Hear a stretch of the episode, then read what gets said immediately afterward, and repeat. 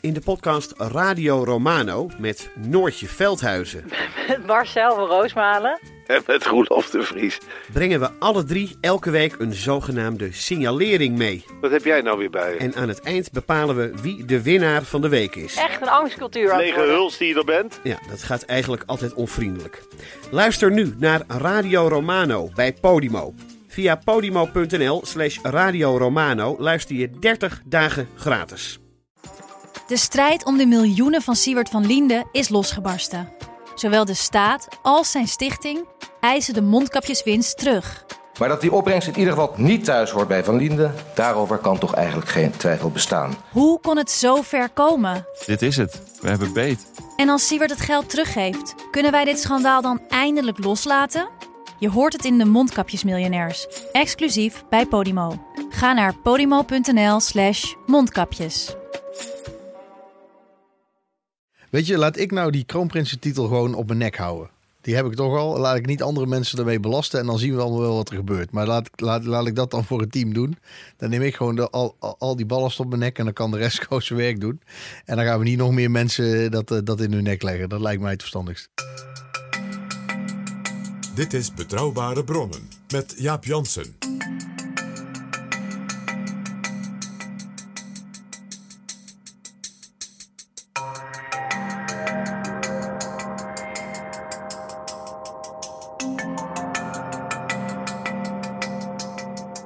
Hallo, welkom in Betrouwbare Bronnen, aflevering 41.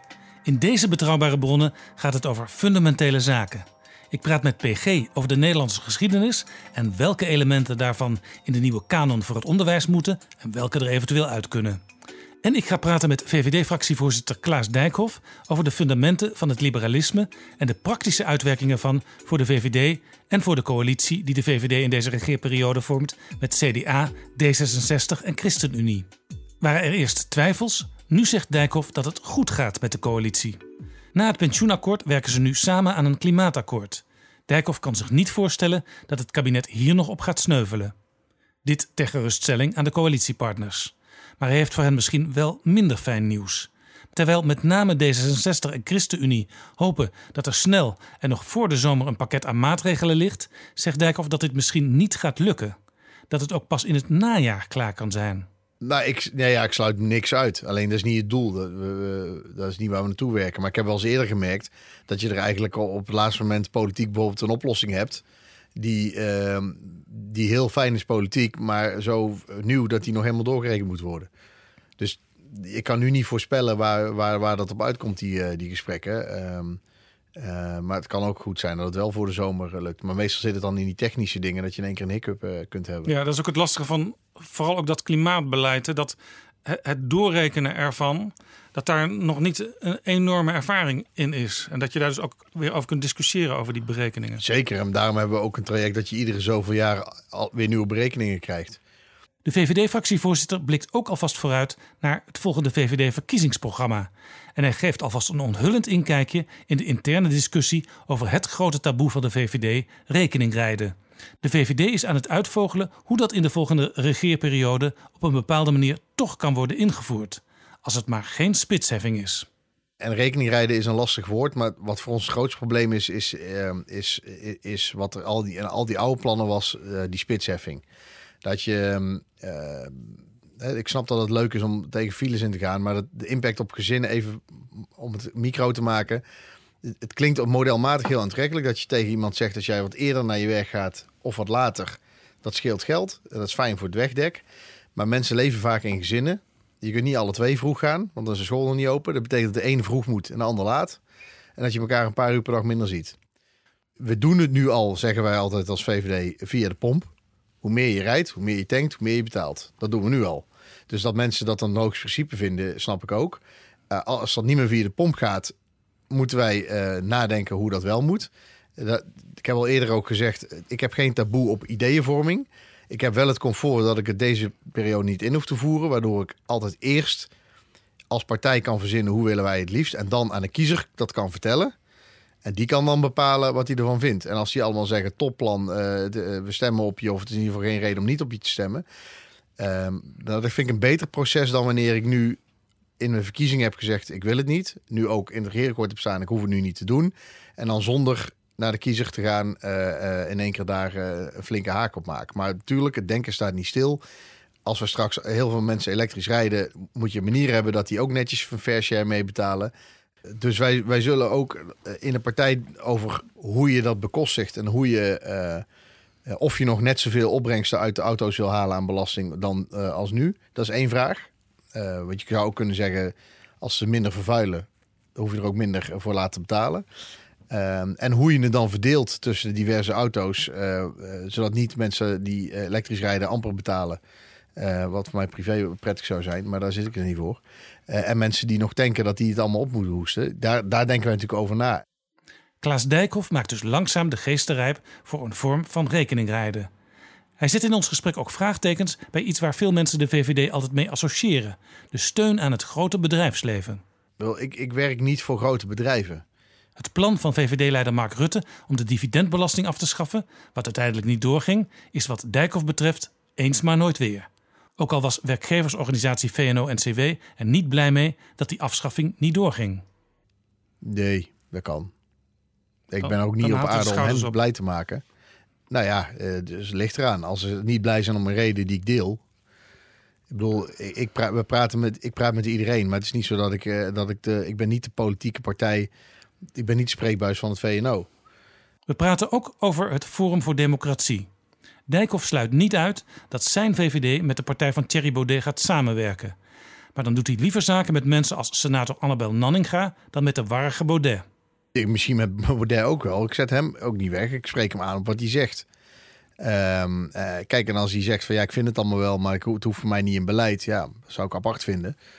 Uh, maar je wil, ik wil je wel weten wat je vlees in de kuip hebt. Dus uh, bijna iedereen die, behalve Thierry Baudet nu zich uit daar, uh, zegt nou het kan allemaal wel wat minder met, met bepaalde woorden en retoriek. En, en, we zijn wel voor de vrije ontwikkeling van elke vrouw en een gelijkwaardigheid. Nou ja, dat, ja oké, okay, maar dat zou consequenter zijn als dat dan ook overal in doorklinkt. Dat straks in gesprek met Klaas Dijkhoff. Jaap Jansen en Pieter Gerrit Kroeger duiken in de politieke geschiedenis. Welkom, PG. Dag Jaap. Ons werd onlangs de tijding dat het minister van Onderwijs Ingrid van Engelshoven heeft behaagd een commissie in te stellen die de kanon van de vaderlandse geschiedenis moet herijken. Die kanon die is eigenlijk nog niet zo oud. Die is in 2006 voorgesteld door een commissie onder leiding van eh, Frits van Oostrom. En 2008 werd hij officieel uh, bevestigd door het vierde kabinet Balkenende. Het kabinet met de Partij van de Arbeid en de ChristenUnie en het CDA natuurlijk. En we zijn dus nu maar elf jaar verder. En er komt een commissie onder leiding van James Kennedy. Die het allemaal eens opnieuw gaat bekijken. Waarom wil de minister een herijking? Het is inderdaad behoorlijk vlot. De minister heeft uh, ook vanuit haar partij D66 uh, vrij veel zeg maar, uh, aanleidingen gekregen, dus suggesties gekregen van is die kanon niet, ik zal maar zeggen, te masculien? En er staat ook in, is het wel veelkleurig en divers genoeg? En is er niet te, veel uh, zeg maar, ronkend uh, Nederlands uh, soort zelfgevoel ja. en te weinig zeg maar, zwarte bladzijden? Even voor het beeld. Die kanon die bestaat uit 50 onderwerpen, 50 vensters. Dat gaat van venster 1 de Hunnebedden, 3000 voor Christus. via Karel de Grote, de Beeldenstorm, Willem van Oranje, Hugo de Groot. Ik noemde gewoon een paar. Vincent van Gogh. Koning Willem I. De gasbel is een van de laatste vensters. Daar staat heel grappig achter 1959 tot 2030 vraagteken. Dat is dus een, een, een eh, deel van de geschiedenis wat toen nog niet was afgesloten, nu bijna wel. Hier zie je dus ook iets. Dat dus het perspectief op je historie, eigenlijk de onderliggende drager van veel van wat jij en ik samen doen in betrouwbare bronnen, dus voortdurend aan revisie onderhevig is. Ja, en het dat er altijd dingen bij komen, perspectieven, ook kennis. Uh, we gaan straks die kanon wat behandelen. Dan zul je zien dat er zelfs elementen zitten in het werk van professor Frits van Oostrom. Waarvan je nu zegt, oh, daar, dat, dat venster dat kan enorm worden verrijkt. In elf jaar. Dus dat element van voortdurende revisie, reflectie, zelfkritiek, nieuwe informatie, nieuwe inzichten. Daar wil ik de minister dus wel als het ware in aanmoedigen en prijzen dat ze daar even de openheid voor heeft. De vraag is of het aan het eind van het gesprek zullen we misschien wel een soort summa maken van is het voldoende substantieel en dergelijke. Maar die gedachte dat je een soort revisie hebt en dat je een overigens voortreffelijk iemand als James Kennedy met mensen daar nog naar laat kijken, dat vind ik wel leuk. Dus jij zegt eigenlijk na, zelfs na elf jaar kun je al kijken, was die lijst die toen gemaakt werd wel adequaat genoeg? Toen was hij dat zeker. De vraag is vooral, is, is hij zeg maar, aan slijtage onderhevig geweest? Zijn er dingen die je nu zegt van hé, hey, dat was toen toch minder in beeld? Of dat was toen heel erg in beeld en daar zijn we nu toch veel terughoudender? Interessant is natuurlijk, waar kwam die kanon natuurlijk eigenlijk vandaan? Dat, dat ineens de politiek, zo, zo na 2002, 2003, uh, de fortuinrevolte, ineens hierover begon ja, was toch een beetje het idee van wat is nou de identiteit van Nederland? Precies. En het interessante is dat kwam politiek van twee zeer verrassende mensen. Moet je toch zeggen. Alle twee nu niet meer actief in de politiek, althans niet zichtbaar. Uh, de een is Jan Marijnissen, zeg maar Marijnissen senior. Toen de sterke man, en misschien nu nog wel ook, van de SP. Het Oergestein, zoals jij dat noemt, ja, van de SP. Fractieleider en partijvoorzitter. En de ander was Maxime Verhagen. Van het CDA, de, het de vicepremier. Dat was hij toen nog niet. Uh, hij was natuurlijk uh, fractieleider uh, in de Tweede Kamer. Werd later minister van Buitenlandse Zaken. En daarna minister van EALI, Economie, Landbouw en Innovatie. En vicepremier in het eerste kabinet Rutte. Het grappige was dat hij dus beide vanuit een wat verschillende aanvliegroute, om maar zo te zeggen. Dat thema van hebben wij nog een soort gezamenlijk gedragen beeld van wie wij zijn? Problematiseerde. En elkaar dus wat verrast ja, in debatten uh, daarin vonden. Van, dat vind ik een interessante vraag. En daar, daar komen misschien wel verschillende antwoorden op. Hè, van een rode uh, Maoist uh, als Marijn is toch wat anders dan een katholieke CDU-Rijnlandman als Maxime Verhagen. Is dat erg? De beide heren, ook door hun naturel en mag ik zeggen stevige persoonlijkheid. Ik zei dus, helemaal niet erg. Voer dat debat maar. Het is namelijk wel verrijkend als we op die manier er eens nog naar kijken. En zo ontstond dat. En er was toen ook in die tijd uh, het idee dat er een nationaal museum moest komen voor de geschiedenis. Ik heb de tekeningen heb ik gezien en dat was een enorm gebouw. Er zou ongeveer heel, heel schoolgaand Nederland zou daar door worden geleid. Ja, dat is, Wim kan zou zeggen, de maquettes staan op instorten. Uh, ja, dat was een wat minder geslaagde gedachte. Uh, daar komen we straks misschien nog wel even over. Uh, toen die kanon klaar was, om maar zo te zeggen, met Frits van Oostrom. Toen ontstond daar zo'n enthousiasme over. Wat natuurlijk een geweldig compliment aan Frits van Oostrom is. Uh, dat... Even wachten, wie is Frits van Oostrom? Frits van Oostrom is een zeer bijzondere geleerde. Zeg maar de absolute nummer één kenner van de Nederlandse taal en letterkunde van de middeleeuwen. Dus vanaf het allereerste Nederlandse woordje en zinnetje tot en met zeg maar 1450, 1500. Dus Hebban, Olla, Vogala, Nestos, et cetera. Ja. Trouwens, uh, venster nummer 5. Ja. Dat, dat is zijn, zijn thema, zeg maar. Dat is uh, helemaal zijn thema. En hij heeft dus de voorbije jaren uh, dus meerdere soort, soort bijna handboeken daarover geschreven. Stemmen op schrift en wereld in woorden. Je hoort het al, zijn titels zijn al prachtig. En hij heeft een enorm goed verkocht, wat ook heel bijzonder is, boek over Jacob van Maarland, dus een middeleeuwse dichter. Dat boek is dus een bestseller geworden. Ik bedoel, een boek over een middeleeuwse dichter uit de 13e, 14e eeuw. Heeft de ACO Literatuurprijs gewonnen. Want het is nou ja, een juweel om te lezen. En heel onlangs ook nog een boek over Jan van Brederode. Uitermate avontuurlijk laat-middeleeuws leven.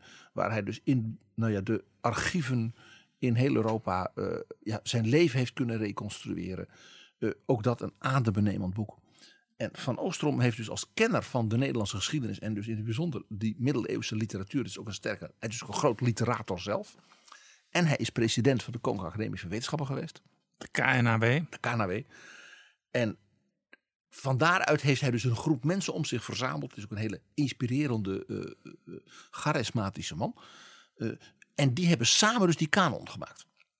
Dus het was ook echt een product van bijna van liefhebbers. Ja, in de goede zin van het woord. Nou, dat museum dat ontstond dus eigenlijk uit het enthousiasme daarover. En toen was het idee, zouden we niet die vensters, zoals ze dat noemen, die 50 thema's, in een soort museale omgeving voor ook de jeugd en voor het brede publiek.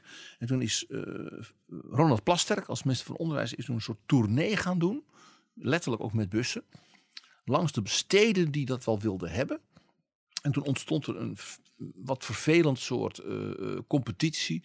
Alsof het een soort Champions League van musea-makers. Beetje wie wordt de culturele hoofdstad? Ja, en, en, en uh, nou, laat ik zeggen, dat, daar, dat heeft ook tot de nodige frustratie geleid. Want de minister die zwabberde nogal in zijn opvattingen. En dan dachten bepaalde steden, oh wij gaan het krijgen. En dan bleek hij dat niet. Nou, Heel erg in mijn hoofd is nog blijven hangen Arnhem. Ja, dat, Arnhem had een subliem tactisch aanbod. Eén, wij zijn niet de Randstad en buiten de Randstad moet toch ook iets gebeuren. Dus niet Amsterdam en niet in Den Haag, want Den Haag is toch niet Nederland. Het knooppunt Arnhem-Nijmegen. Ja, en uh, daar was, speelde nog iets, namelijk daar heb je het Openluchtmuseum. En uh, daar was dus ook al parkeergelegenheid, want dat soort argumenten gingen ineens spelen. Uh, voor bussen met scholieren. En ze waren ook bereid om dan in een soort tuin van dat Openluchtmuseum dus een nieuw gebouw neer te zetten. Het probleem was van die maquettes was, er was wel een gebouw, maar er was geen inhoud. Want het idee om de geschiedenis in een museum te doen is prachtig. De Duitsers hebben dat natuurlijk na de val van de muur met Kool, de historicus, op een grootse manier in Berlijn gedaan. De Amerikanen hebben natuurlijk een prachtig museum dat opzet. Maar geen museum in Nederland was natuurlijk bereid zijn collectie af te staan.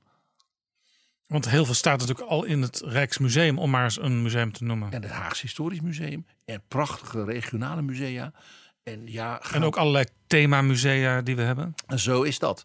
En eh, het Van Gogh Museum gaat echt niet een aantal schilderijen van Gogh aan Arnhem cadeau doen. En het Stokske van Oldenbarneveld wordt echt niet cadeau gedaan door het Haagse Historisch Museum. Dus er was, het was een wat onrijpe gedachte en dan ben ik nog mild. Uh, het is uiteindelijk dan beland in een soort uh, online opstelling die je dan visueel kon bezoeken in de Zuiderkerk in Amsterdam. Je hoort het al, dat werd allemaal niks. Nee. Heel jammer. als daar beter over nagedacht was, dan was er misschien wel een heel erg mooi iets kunnen ontstaan. En hadden, nu... hadden uh, Maxime Verhagen en Jan Marijnse kunnen voorkomen dat dit als zand uit de handen glipte? Uh, nee, want laat ik zeggen, de, de, de, de, de, de, uh, Plasterk is ermee gaan hollen. En dat was een beetje zijn soort Mitterrand-achtig piramide van het Louvre, maar dan voor Ronald. De grote werken. Ja, en dat, dat, dat werkt. Les grands travaux. Les grands travaux. Dat werkt in Nederland niet. En ik vind het zelf nog altijd jammer, want uh, er waren hele grote mogelijkheden geweest. Bijvoorbeeld met de Koninklijke Bibliotheek, het, het Rijksarchief en dergelijke hier in Den Haag. Uh, het, zodat je dus nu de rare situatie krijgt dat als de staatsrechtgeleerde hoogleraar uit Chicago, Barack Obama, in Nederland op bezoek komt. En hij vraagt, mag ik met handschoentjes één keer het origineel van het plakkaat van verlatingen en de apologie van Willem van Oranje. De belangrijke. Dan moeten ze bij het Nationaal Archief nadenken: waar is dat plakkaat? Dat ligt daar in een la. Ja, en de, ja. die foto was aan de ene kant ontroerend dat iemand als Obama, dat uh, zeg maar, een van de hoogtepunten van zijn presidentschap vond, dat hij dat kon zien. En tegelijkertijd schaamt je ook een beetje dood. Als je ziet hoe de Amerikanen met hun Declaration of Independence en dergelijke, hoe prachtig ze dat doen. Dus dat is een beetje een gemiste kans en dan zeg ik het nog netjes. Ja, overigens zou afgelopen week eigenlijk was de bedoeling geweest dat de, de vlag van de bevrijding aan uh, president Trump zou worden overhandigd. Uh, maar Trump is blijkbaar anders dan Obama. Ja, die vindt dat niet zo heel interessant. Dat gaat nog wel een keer gebeuren misschien, maar we weten niet wanneer. Ja, en de, bovendien, er is niet een vlag van de bevrijding. Dat is op zich een mooie gedachte. Dat de Nederlandse vlag die dan mee was op die day. Uh, maar dat ding is nooit als, zodanig erkend geweest, om maar zo te zeggen. Dus ik, ik, ik vond het een beetje een hype. Maar ik ben voorzichtig, want andere mensen worden misschien diep ontroerd door. Uh, en en dat, dat gun ik ze van harte. Nou, wat gebeurde er dus? Eh, wat erg leuk was dat de, toen de kanon klaar was, besloot de Commissie voor de Propaganda van het Nederlands Boek de Boekenweek 2007 te wijden aan het thema humor en historie. En toen heeft, hebben Fokke en Sukke een eigen versie gemaakt van de kanon. En dat was een bestseller. Ze hebben dus bij elk van die 50 vensters hebben de tekenaars van Fokke en Sukke dus hun interpretatie daarvan gemaakt. Daar is ook een boekje van gemaakt met een voorwoord daarin van Frits van Oosterom. En dat heeft dus de discussie hierover een soort vrolijkheid, een soort lichtheid gegeven. En ook tegelijkertijd is letterlijk populair. Je ziet op een gegeven moment Fokke en Sukke aan tafel zitten, etend, Hebba Spinoza. Ja, mijn favoriet is twee Germaanse foksukjes die aan de, aan de oever van de Rijn staan en daar een boot zien aankomen met van Willy Brod met zijn missionarissen en dan roepen: Het is een tsunami van christenen. Dit, dit, dit geeft al heel mooi aan hoe de visie op geschiedenis door de tijd bepaald wordt. Zo is dat. Zo is dat. Overigens in die commissie, Frits van Oosten was de voorzitter. Er zat bijvoorbeeld ook Paul van Menen van eh, D66 in, nu Kamerlid. Zat in de gemeenteraad van Leiden. Hij was de vicevoorzitter. En het pikant is natuurlijk dat, dat nu de minister ook van D66 is. En die minister zegt eigenlijk, wat toen is gemaakt, dat is nu al aan revisie toe. Ja, dat, ik neem aan dat men die discussie binnen D66 dan wel voert. Uh, dat het werk van de heer Paul van Menen dus niet divers genoeg was en niet vrouwvriendelijk genoeg en wat al niet. Je zult merken dat ik het straks, zoals wel vaker, aan de graag kant, voor Paul van Menen opneem. Ja, want jij zei al, uh, de, de lijst van 50 thema's was toen echt wel heel goed. En tegelijkertijd zeg je ook, het kan best zijn dat daar nog wat, zeker vanuit het heden gezien, wat aan ontbreekt.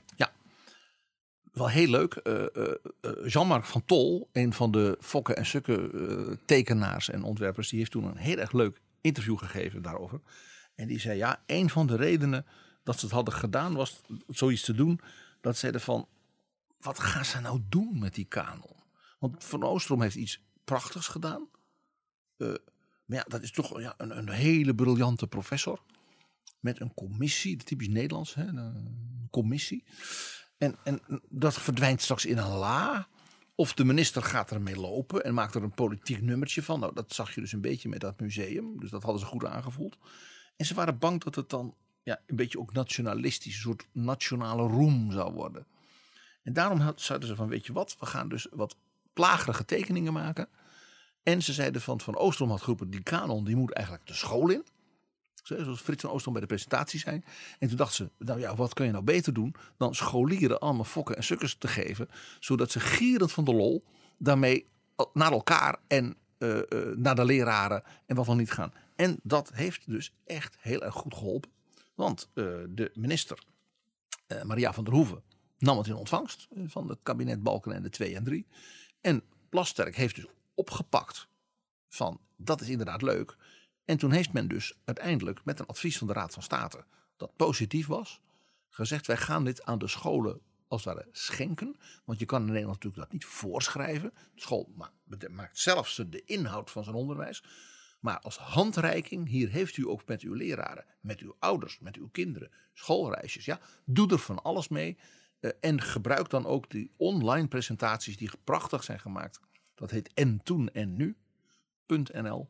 Waar dus al die vensters met verdiepingsmateriaal, met filmpjes, met van alles wat. Maar die vensters werden wel, werden wel deel van het curriculum? Dat doet bepaalde school in Nederland. Maar er zijn toch ook bijvoorbeeld voor de basisschool CITO-toetsen, dat heet tegenwoordig anders, maar uh, daar maar wordt die toetsen getoetst? Niet, nee, die toetsen niet wat jij weet van geschiedenis. Die toetsen rekende vaardigheid, taalvaardigheid. Nee, dit is een land van grote vrijheid. De reformatorische school mag zijn manier van kijken naar de geschiedenis. Hè, met Gods hand in de geschiedenis. En dat mag ook het orthodox-Joodse onderwijs. Maar dan krijg je de Hindoe-scholen, dat mogen ze zelf. Dan krijg, je, dan, zou je, dan krijg je kinderen, als je dat in het extreme doorvoert, die bijvoorbeeld alles weten over Klaas Schilder en de Reformatie en al die afscheidingen en zo, eh, maar nog nooit van Erasmus hebben gehoord. En daarom is dus zo'n kanon zo mooi. Omdat je dus als het ware die brede culturele Ja, maar en als, als, de historische ka- wortels. als de kanon niet verplicht is. Je bent, je, je, bent toch een echte liberaal? Wilt, jij wilt je opvattingen over de staat verplicht stellen. Een echte 19e eeuwse liberaal. Vandaar de schoolstrijd. Een van de onderwerpen die overigens niet in de kanon voorkomt. Nou, die, die kanon kreeg dus veel succes. Eh, en ja, die is dus een hele interessante manier van kijken. Je kijkt eigenlijk naar hoe Nederlanders en de Nederlandse samenleving naar zichzelf en zijn historie kijkt. Ja, dus Nederland kijkt in de spiegel daardoor en wij kijken mee. En dat is, het is een heel bijzonder proces. eh, wat je ook in andere landen, vaak dan gebeurt dat hè, door de minister, dan wordt het centraal opgelegd. Ja, goed Hè, idee. In Frankrijk, hè, dan is het natuurlijk La Grande Nation. In Duitsland juist niet, want dat, ja, maar wel bepaalde dingen natuurlijk. Hè. Hè, dat begrijp je. Eh, Nou, de Amerikanen, daar hoeft het niet over te hebben. Dat doet iedereen natuurlijk gewoon. Hè, maar dan heb je het nationale gebeuren. Hè, met al de presidenten en hun bibliotheken. Dat hebben wij dan weer niet. Nou, je, je ziet dus dat eh, de thema's rond die 50 vensters. die geven dus aan dat, het, dat men sterk kijkt naar zeg de plaats van Nederland in de wereld. Dat vind ik een van de meest opvallende dingen. Maar dat Plus de eigen kenmerken waarin Nederland zich als het ware wat onderscheidt van andere landen in de wereld. Dus dat zijn de twee evenwichten zeg maar, die men in die kanon als geheel dus heeft gevonden. Maar de plaats van Nederland in de wereld is ook logisch. Hè? Want Nederland was natuurlijk altijd een eh, op de zee gerichte natie. Ja, zoals Carlos Moedas, de eurocommissaris, ooit zei op zijn eerste gesprek met Nederlandse wetenschappers waar ik bij was. Een Portugees. Hij zei, ja, wij Portugal, Nederland. Hij zei, we hebben iets gemeen. Hij zei, dat heb ik gehoord vorige week van de president van Estland aan, in de Baltische Zee. Een land aan zee is nooit klein. En een Portugees, een Est en een Nederlander, die, die, die snappen dat. Ja. Kleine landjes met een hele grote machtige buur. Spanje, Duitsland, Rusland. En toch, je bent niet klein. Want je hebt die zee. Nou, dus dat eigene van Nederland. eh, het- de lage landen bij de zee. Dat is zelfs het eerste grote thema. Dan de Nederlandse taal. De komst van het christendom. De koopmansgeest en koloniale macht. Ook zo'n groot thema. Eh, dan de, Nederland in een tijd van oorlogen van de hele wereld. Eh, dan natuurlijk Nederland dat verandert, multicultureler wordt. Nederland een plek in Europa heeft. Dus heel interessant hoe dus die eigenheid van Nederland in het in, zeg maar, in global perspective gecombineerd, hè, dus, en al vanaf het begin, gecombineerd met het eigene van waardoor Nederland toch een wat ander land is dan de meeste andere landen. Sterk verstedelijkt, eh, sterk eh, beïnvloed hè, door het Calvinisme, eh, dat soort dingen. Wat ook meteen blijkt uit deze opsomming van die thema's zoals die toen vorm kreeg. De spruitjeslucht ontbreekt. Het is, het is echt geen nationalistisch dingetje. Nee, dus de vrees van Jean-Marc van Tol is gewoon door de kwaliteit van de keuzes eh, van die thema's en ook van die 50 vensters, eh, dus volkomen eh, laat zeggen, ongegrond gebleken. En dat is ook een groot compliment natuurlijk eigenlijk aan het Nederlands onderwijs. Dat die scholen dus niet zijn gaan doen wat jij vreesde, maar dat men juist die breedte en die verrijking ook, ook ja, als het ware heeft, is gaan koesteren. Ja, later heeft natuurlijk Sibrand Buma, toen leider van het CDA, er nog aan toegevoegd dat het Wilhelmus ook een belangrijke rol zou moeten gaan spelen in het Nederlands onderwijs. Ja, interessant is dat dus het regeerakkoord dat mevrouw van Engelshoven als minister geacht wordt uit te voeren, juist op dit thema, als er, als er de Nederlandse samenleving nog weer even wat heeft willen schudden, van eigenlijk moet elke scholier naar het parlement zien dat de democratie iets is waar gewerkt wordt. En Ja, je kunt maar- zeggen dat is in de plaats gekomen van eigenlijk moet elke scholier naar dat Nationaal Historisch Museum. Ja, dat is, zeggen, die gedachte van Maxime Verhagen is door Buma als het ware ja, wat, wat weer meegedragen. Dus er zit een zekere consistentie eh, in. En dat Wilhelmus is ook iets van wat is nou wat ons bindt. Ja? En dat heeft Buma dus wat, ja, eh, laat ik zeggen, in de verkiezingscampagne wat, wat, wat, wat toegespitst door het zingen van het Wilhelmus. Ja, dat, dat is wel weer een beetje spruitjeslucht. Dat is maar hoe je het bekijkt. Het Wilhelmus is natuurlijk een zeer rebels eh, lied tegen een, een oppermachtige koning die de gewetens wil dwingen. Eh, daar vind, ik weinig spruitjeslucht Ja, is wel best wel een moeilijk verhaal om echt aan jonge kinderen over te brengen, denk ik. En daarvoor heb je dus zoiets als zo'n kanon. Moeilijke verhalen zijn niet erg hè, voor jonge kinderen. Nou, Buma Ik heb Hij het nog zit nooit nu- ge- hij zit nu in Leeuwarden. Pippi zei altijd, ik heb het nog nooit gedaan, dus ik denk dat ik het wel kan. Dat is, ik merk dat jij in Brabant op een katholieke school hebt gezeten. Zo'n protestants rebels lied. eh, nou, misschien het eerste couplet, maar al het zesde eh, werd waarschijnlijk al niet meer. eh, Goed. Nou, Buma was nog fractieleider van het CDA toen dus D66 kwam van het moet dan diverser en eh, de schaduwzijde moesten er ook komen. En eh, nou, Buma reageerde onmiddellijk geprikkeld. En die zei: Dit is weer staatspedagogiek. Hè, kwam in onze discussie ook even langs. Hè, 19e eeuws liberalisme. En hij zei toen van, voor je het weet, hij gebruikte de term, wordt de kanon een slagveld. En dan gaat iedere coalitie zeggen, oh ja, wij hebben nog wat aanvullende gedachten voor eh, eh, de kanon. Dan wordt de kanon kanonnenvlees. Juist. En toen zei hij, als dit een kabinetsbesluit wordt, dan kom je mij wel tegen, zei hij tegen eh, mevrouw van Engelshoven. Nou, nou, nou, nou, nou. Hier speelt denk ik nog een klein dingetje. Er ligt nog heel veel oud zeer. De gemeente Den Haag, toen met burgemeester Deetman, heeft zich zeer ingespannen om dat museum van Plasterk, zal ik maar zeggen, te krijgen. Zij, we hebben het Haagse Historisch Museum, we hebben De Prodemos, we hebben eh, ja, allerlei mogelijkheden. Men had ook een locatie en zeiden dat past ook bij de democratie.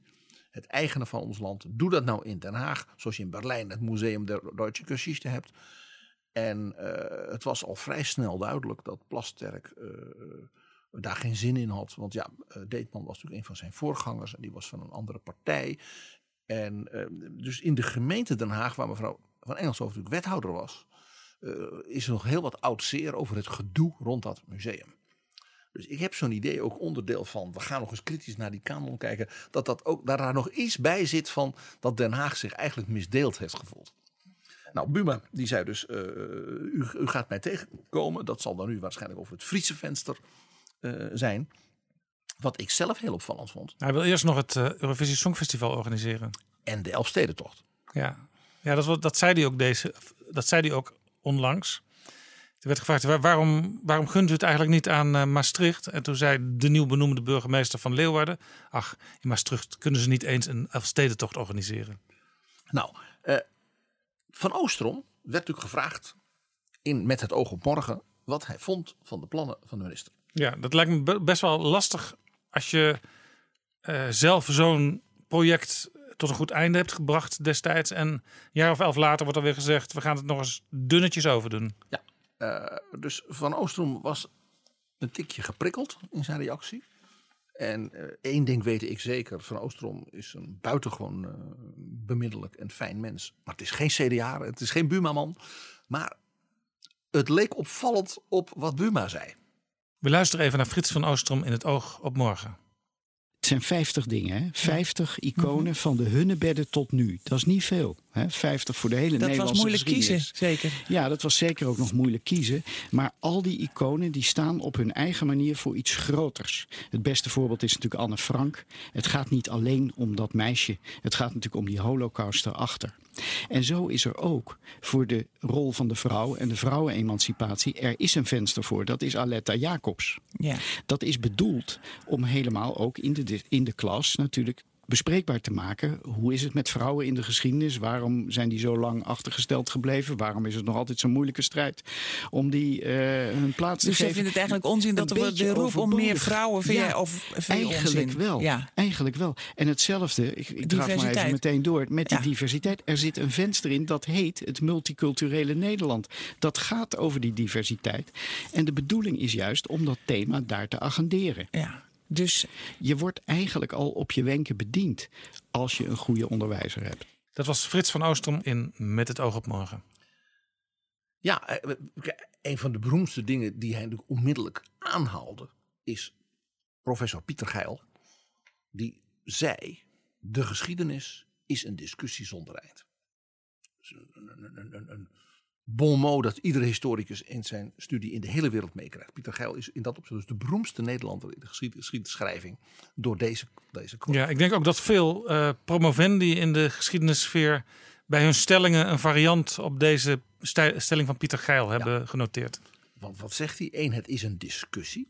Dus het is niet zo dat één iemand, ook al schrijf je het standaardwerk, dus dan de waarheid heeft opgeschreven voor alle eeuwen.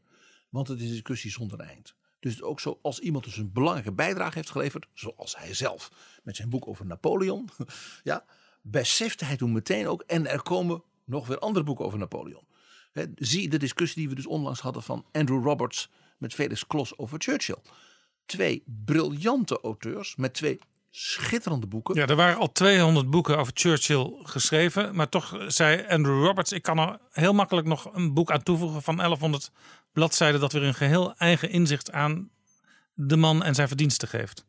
En nieuwe bronnen. Het dagboek van de koning. Ik bedoel, alleen al daarom was dat boek natuurlijk een must. En, en, en ook het boek van Felix Klos, wat helemaal focust op Churchill en Europa. En dus Churchill eigenlijk na de Tweede Wereldoorlog. De oude man die nog één keer een soort visionair wilde zijn. En dan blijkt dus dat als je in de archieven gaat kijken, dat je een, een nog veel completer beeld van zo'n fase in het leven van zo iemand kunt neerschrijven uiteindelijk. En dat vervolgens Andrew Roberts met grote waardering voor Felix Klos duidelijk maakt dat hij het volstrekt niet met hem eens is.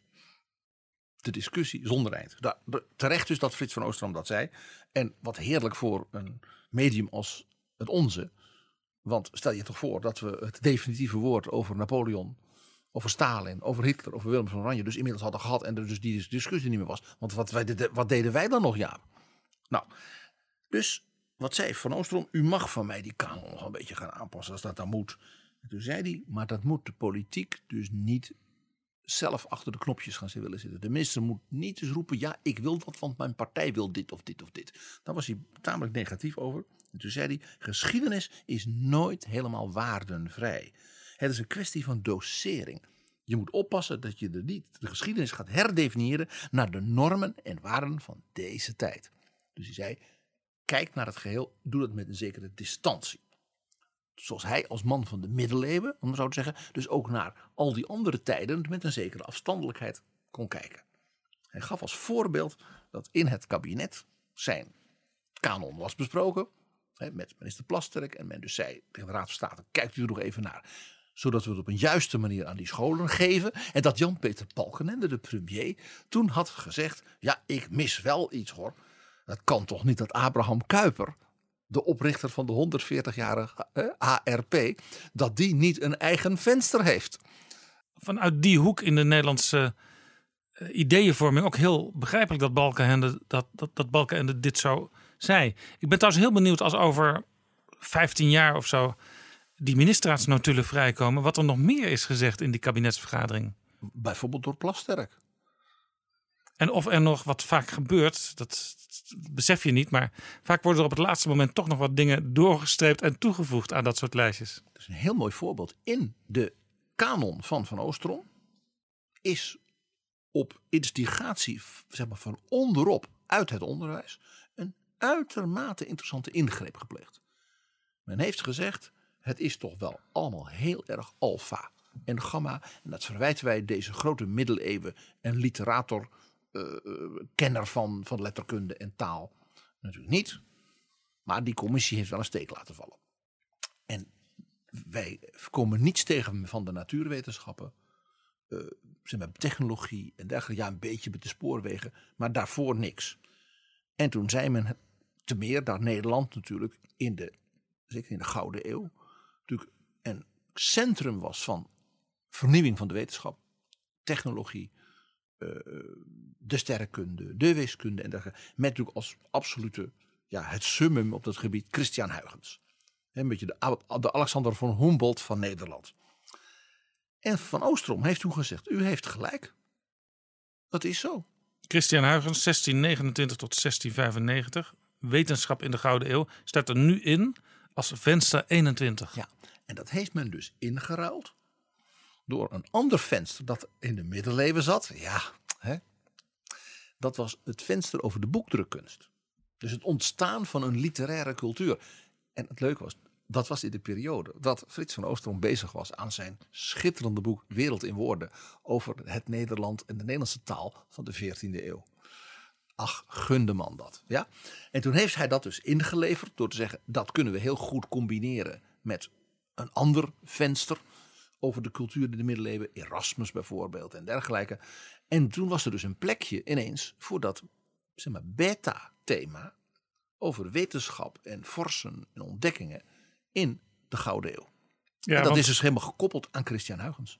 Het venster wordt soms naar een tijdperk genoemd, soms naar een persoon die dan weer staat voor zo'n tijdperk. Ja, eh, dat heeft men heel bewust gedaan, merk je. Eh, ik stel voor dat we straks eens even er langs lopen. Dat je ook zegt, hé, hey, die naam wel, die naam niet. Dat, dat we als ware een soort kleine gezamenlijke soort betrouwbare bronnen revisie doen. Ten behoeve van die commissie alvast. Eh een van de kritiekpunten dus van uit D66 en de minister was het is al allemaal weinig divers en er komen geen vrouwen in voor. En, en, en dat soort dingen. En daar was Van Oostrom eh, eh, het in de radio-uitzending ook gewoon openlijk mee oneens. Die zegt, kijk, het gaat niet om het aantal vrouwen. eh, want het is ook niet overal een persoon hè, die aan zo'n venster is. En hij wees erop dat er drie dames, eh, eh, zoals het ware, als venster ja, zijn genoemd. En hij zegt, ja, die staan wel voor hele grote maatschappelijke veranderingen en grote onderwerpen in onze geschiedenis. Dat is Aletta Jacobs. Dat gaat dus over de veranderde positie van de vrouw. Zeg maar in de tweede helft van de 19e eeuw. En natuurlijk hè, tot en met het De vrouwenkiezen. emancipatie, het feminisme. Ja. Dan Anne Frank als natuurlijk het ja, symbool van de Shoah.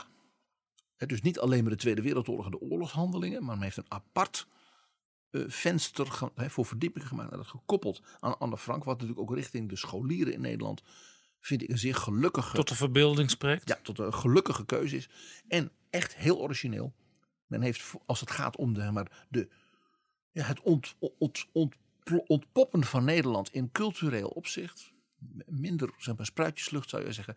Is er een venster dat heet Annie M.G. Schmid. Ja, daar staat dan als ondertitel bij tegendraads in een burgerlijk land. Heel erg leuk. Dus, dus, dus misschien ook een beetje het begin van de welvaartsstaat. De culturele verrijking. Een beetje minder, ont, eh, een beetje minder on- verzuiling. Dat, daar staat dus Annie M.G. Schmid voor. Ja, overigens, als je meer vrouwen in de lijst wil hebben, dan had je het natuurlijk heel makkelijk, want ze staan er niet in als zodanig. Eh, de koninginnen die we gehad hebben, kunnen, kunnen noemen Wilhelmina, Ja, Juliana. je had bij de Tweede Wereldoorlog had je gezegd van nou nemen we koningin Wilhelmina vanwege haar toespraken, ik noem maar wat. Ja. Of de welvaartsstaat, dat je dan zegt we leveren Willem Drees en dan zetten we daar Juliana neer en dan pakken we meteen de Greet Hofmans, heb je nog een vrouw. Eh, affaire. Nou ja, je ziet, ik, ik, ik kan mij de... de het, venster, zeggen- het venster Prins Bernhard. Ja, dat is denk ik, dan heb je er aan 50 niet genoeg. En dus ik kon me de lichte irritatie die wat te, horen was in de stem van Frits van Oostrom eh, wel een beetje voorstellen. Dan het idee van het is niet divers genoeg in cultureel opzicht. Eh, daarvan zei van, was Van Oostrom zelfs vrij scherp. Die zei nou, toe nou, eh, er is een compleet, het voorlaatste venster. Dat gaat over dat Nederland een veelkleurig land wordt. Er is veel aandacht voor de positie van Nederland in de wereld. Het kolonialisme, ook met de zwarte bladzijde daarvan. Maar ook met de wereldontspannende culturele en zeg maar mercantiele eh, eh, ontwikkeling van ons land. Die natuurlijk ten opzichte van andere landen in de geschiedenis natuurlijk zeer bijzonder is. Dus hij vond dat... eh, Ja, slavernij heeft ook een eigen venster. ja, ja, ja. Dus de- hij vond die kritiek, die deed hem merkbaar een beetje pijn. En ik moet ook zeggen eh, dat ik juist, ik zei het hier- hiervoor al, dat ik juist die, het aardige vond, die balans die ze hadden gevonden tussen de eigenaardige kenmerken van Nederland. Annie M.G. Schmid, die burgerlijkheid en toch ontspannenheid. eh, het Calvinisme, de Statenbijbel en alles daaromheen. Dus katholiek tegen protestant heeft zijn eigen ding, volkomen terecht. Eh, Rembrandt, Van Gogh, ook dus Christian Huygens nu. Erasmus, heel prachtig. En helemaal specifiek voor Baruch de Spinoza. Zeer terecht. Dus ja, dan zeg ik eigenlijk nou, eh, dat eigenzinnige van Nederland ten opzichte van dus die wereldwijde identiteit van Nederland. Dat zit juist in een hele mooie balans. Als ik jou goed hoor, dan krijgt die lijst van de commissie van Oostrom, die krijgt zeker wel een 8. Oh, eh, eh, ik geef hem een 9. Ik, ik ben, was en ben daar nog steeds van onder de indruk hoe men dat gedurfd heeft. Daarbij komt, ja, die, die, die, die e- extra punt komt ook omdat Van Oostrom zelf zei dat er was één onderwerp was waar hij zichzelf dat een klein beetje. Ik neem mijzelf dat ook kwalijk. In het proces heb ik het wel in mijn vizier gehad, maar ik ben het weer vergeten. En dat was? Je raadt het al, de klassieke muziek. Hij zei, we hebben grote componisten niet zo gehad. Hè? Geen Wagner, geen Bach in Nederland. Maar hij zei, het Concertgebouworkest zou toch een mooi venster zijn geweest. Dus de geweldige ook diversiteit en excellente kwaliteit van dus de Nederlandse muziekpraktijk. Nou, denk ook aan onze dans, de ballet eh, en dergelijke. En de creative industry. Zeg maar alles wat Beatrix altijd meenam op haar reizen, haar staatsbezoeken. Bijvoorbeeld. Bijvoorbeeld. Hans van Manen, het Nederlands Danstheater, maar ook dus onze orkesten. eh, en dergelijke. De, de oude muziek ook, hè, Ton Koopman. Nederland is een ongekend rijk. Ja. Het concertgebouw is het meest bezochte muziekgebouw venster- ter wereld. Als zo'n venster er zou komen, waar ik eigenlijk ook geen bezwaar tegen heb, Dankjewel. dan wil ik het ook wel breder maken. Dan moet ook de Nederlandse popmuziek daarin. Want de er Nederlandse popmuziek voor. is echt wereldwijd eh, iconisch. Zeker in de periode zeg maar 1965 tot 1975. Toen was Nederland na Amerika, na eh, Groot-Brittannië, echt het derde popmuziekland ter wereld. Dus dat zou helemaal op elkaar kunnen aansluiten. Ja, maar ik ben dan bang dat de koning ook weer eist dat we dan zo'n Tiesto en zo'n ding dat die dan ook in moet. Dus, dan, dus de ellende, laat ik zeggen, dan is het einde zoek. Dus laten we het nou bij het Concertgebouworkest houden. Ik denk dat wij hier samen niet uitkomen. Want dan wil jij die zeezenders, eh, mede namens Max van Wezel, er ook nog in. Ja, zeker. Want die zeezenders, dat was zowel eh, een, een teken zeg maar, van de emancipatie, de, de, de revolutionaire jaren 60, als ook van het, toch wel het commerciële, het mercantiele Nederland. Dat werd in één symbool eh, samengevat. Vind ik een hele sterke. Compliment.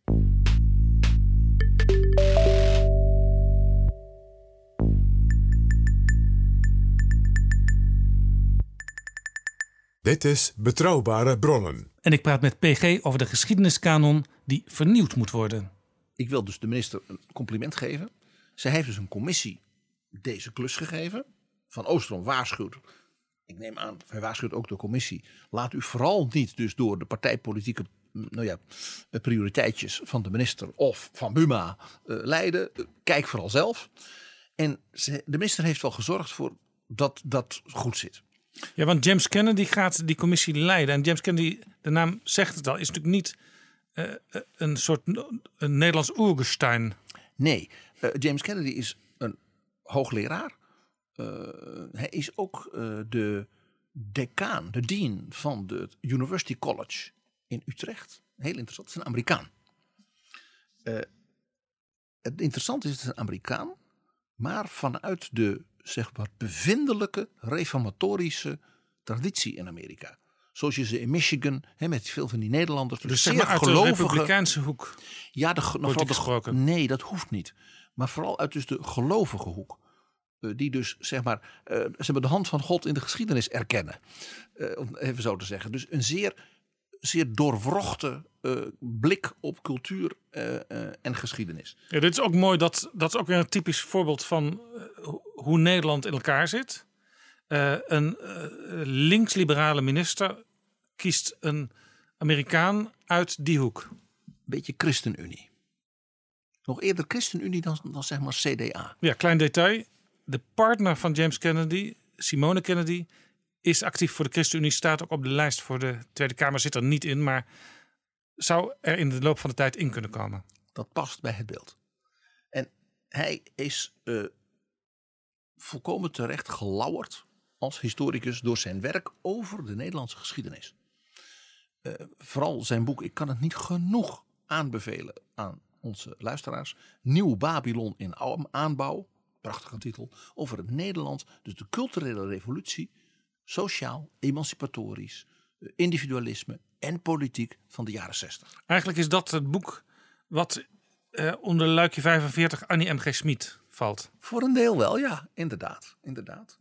Eh, een briljante analyse, zoals iemand van buiten Nederland, maar wel met heel veel gevoel voor zeg maar, de Nederlandse wortels in het protestantisme.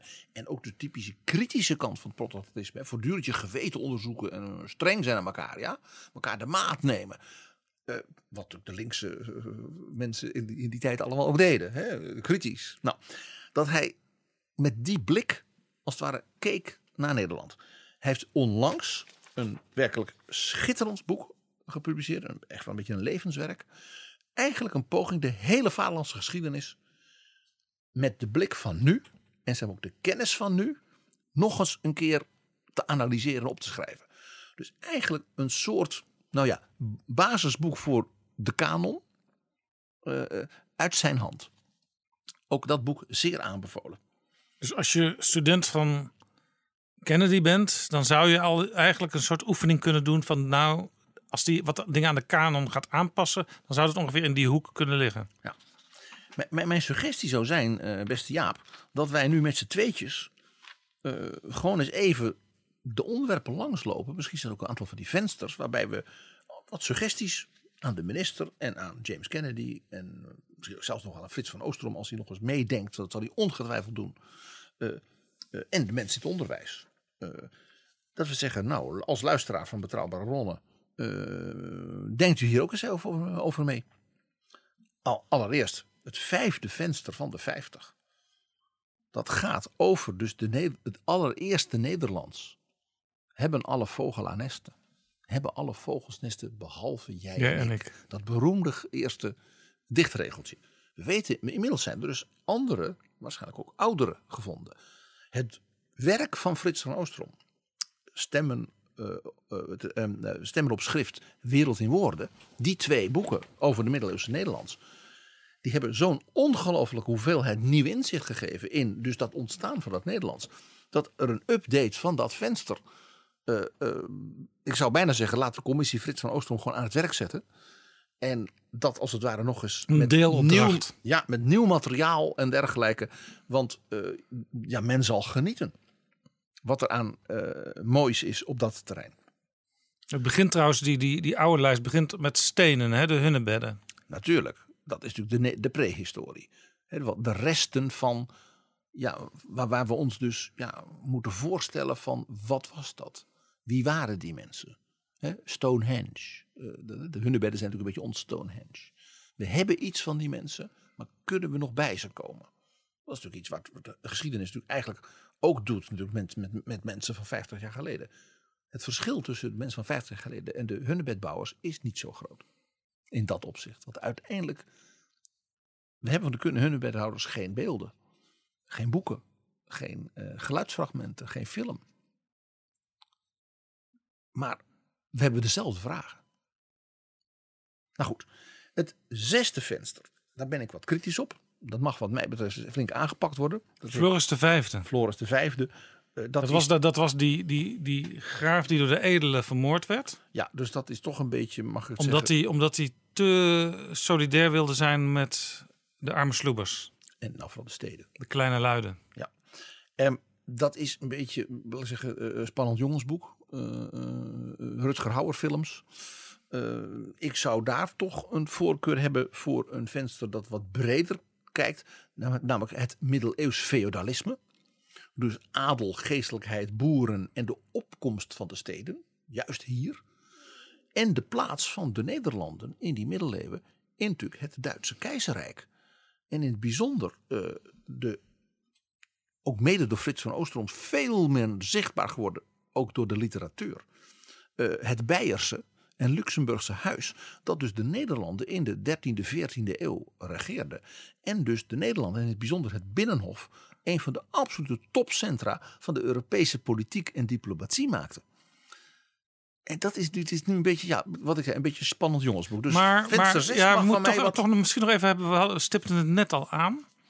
Eh, je hebt dus tijdperken en je hebt tijdperken die genoemd zijn naar personen. Dat naar personen is natuurlijk wel iets van zeg maar de 20e en de 21e eeuw, iets van, heel erg van nu. Wat vind jij beter? Of is er geen betere vorm te verkiezen? Mijn voorkeur gaat er naar uit om dus de persoon als, als, als kapstok te gebruiken. Als je van die persoon, rond die persoon, over die persoon heel veel gelaagdheid hebt. Want Anne Frank weet ik in één gedachte waar die periode voor staat. Erasmus zou wat mij betreft de eerste zijn in dat lijstje. Waar je zegt van ja, dat is de eerste persoon Ja. waar je zoveel zeg maar, diepgang, gelaagdheid eh, ja, eh, omheen hebt. Floris de Vijfde vind je dus wat ver gezocht. Ja. Dat is toch een beetje. eh, ja, ik zei het wat onaardig spannend jongensboek. Ehm, wat natuurlijk een heel leuk venster is, waarvan je onmiddellijk eh, met de actuele politiek en het Europa van nu. Wat je dus toen, dus is leuk hè, elf jaar daarvoor, is nummer zeven. De Hanze. De handelssteden in de lage landen 1356 tot ongeveer 1450. Dus de eerste grote bloeiende handel met bootjes naar de Oostzee. Ja. Waar nu de minister van Financiën, Wopke Hoekstra van het CDA, een Hanse-coalitie heeft met ongeveer die landen uit die tijd. Ja. Uit het noorden van Europa. Finland, Die op een, Estland, op een Letland. specifieke manier naar de rest van de wereld kijken. En heel anders kijken dan bijvoorbeeld een Italiaan of een Griek. Ierland zit er ook bij. En het grappige als je dus naar die landjes kijkt. Hè, die hebben dus wat Carlos Moedas zei. Een blik op de zee. En geen land dat aan zee ligt is klein. Hè, dat de Estlandse premier tegen hem zei. Dat geldt voor Estland, Letland, Litouwen. Heel grappig, want eh, Finland, Nederland, Ierland. af en toe is er sprake van, hoort Oostenrijk er nou wel of niet bij bij die Hanse-liga? Maar die liggen dus niet aan zee. Nee, het is ook typisch een, een binnenland. Een continentaal land dat dus naar de Balkan kijkt. Naar Oekraïne kijkt.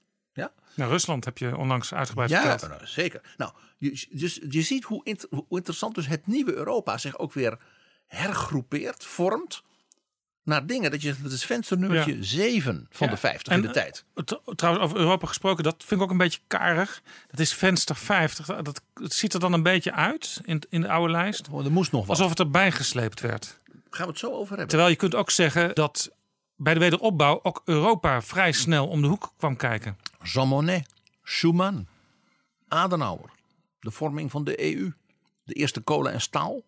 En dan natuurlijk in 57 de Europese gemeenschap. Ja, je hebt wel het eh, luik 41, dat is luik Willem Drees. En dat gaat dan over de verzorgingsstaat. Dat komt daar een beetje in de buurt. Maar dat zou eigenlijk een, een tweeluik moeten zijn misschien. De verzorgingsstaat en Europa. Nou, eh, we gaan het er zo over hebben. Want in het lijstje van dingen dat ik dacht, komt dit bij mij ook. En, en, en, en het werd getriggerd bij mij dus door venster 7.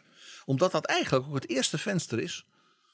Wat mij betreft venster 6, dus Nederland in dat keizerrijk, dat, Euro, dat heilig Roomse Rijk der Duitse natie. Dat is eigenlijk dat eerste dat je van ja, het is toch ook global.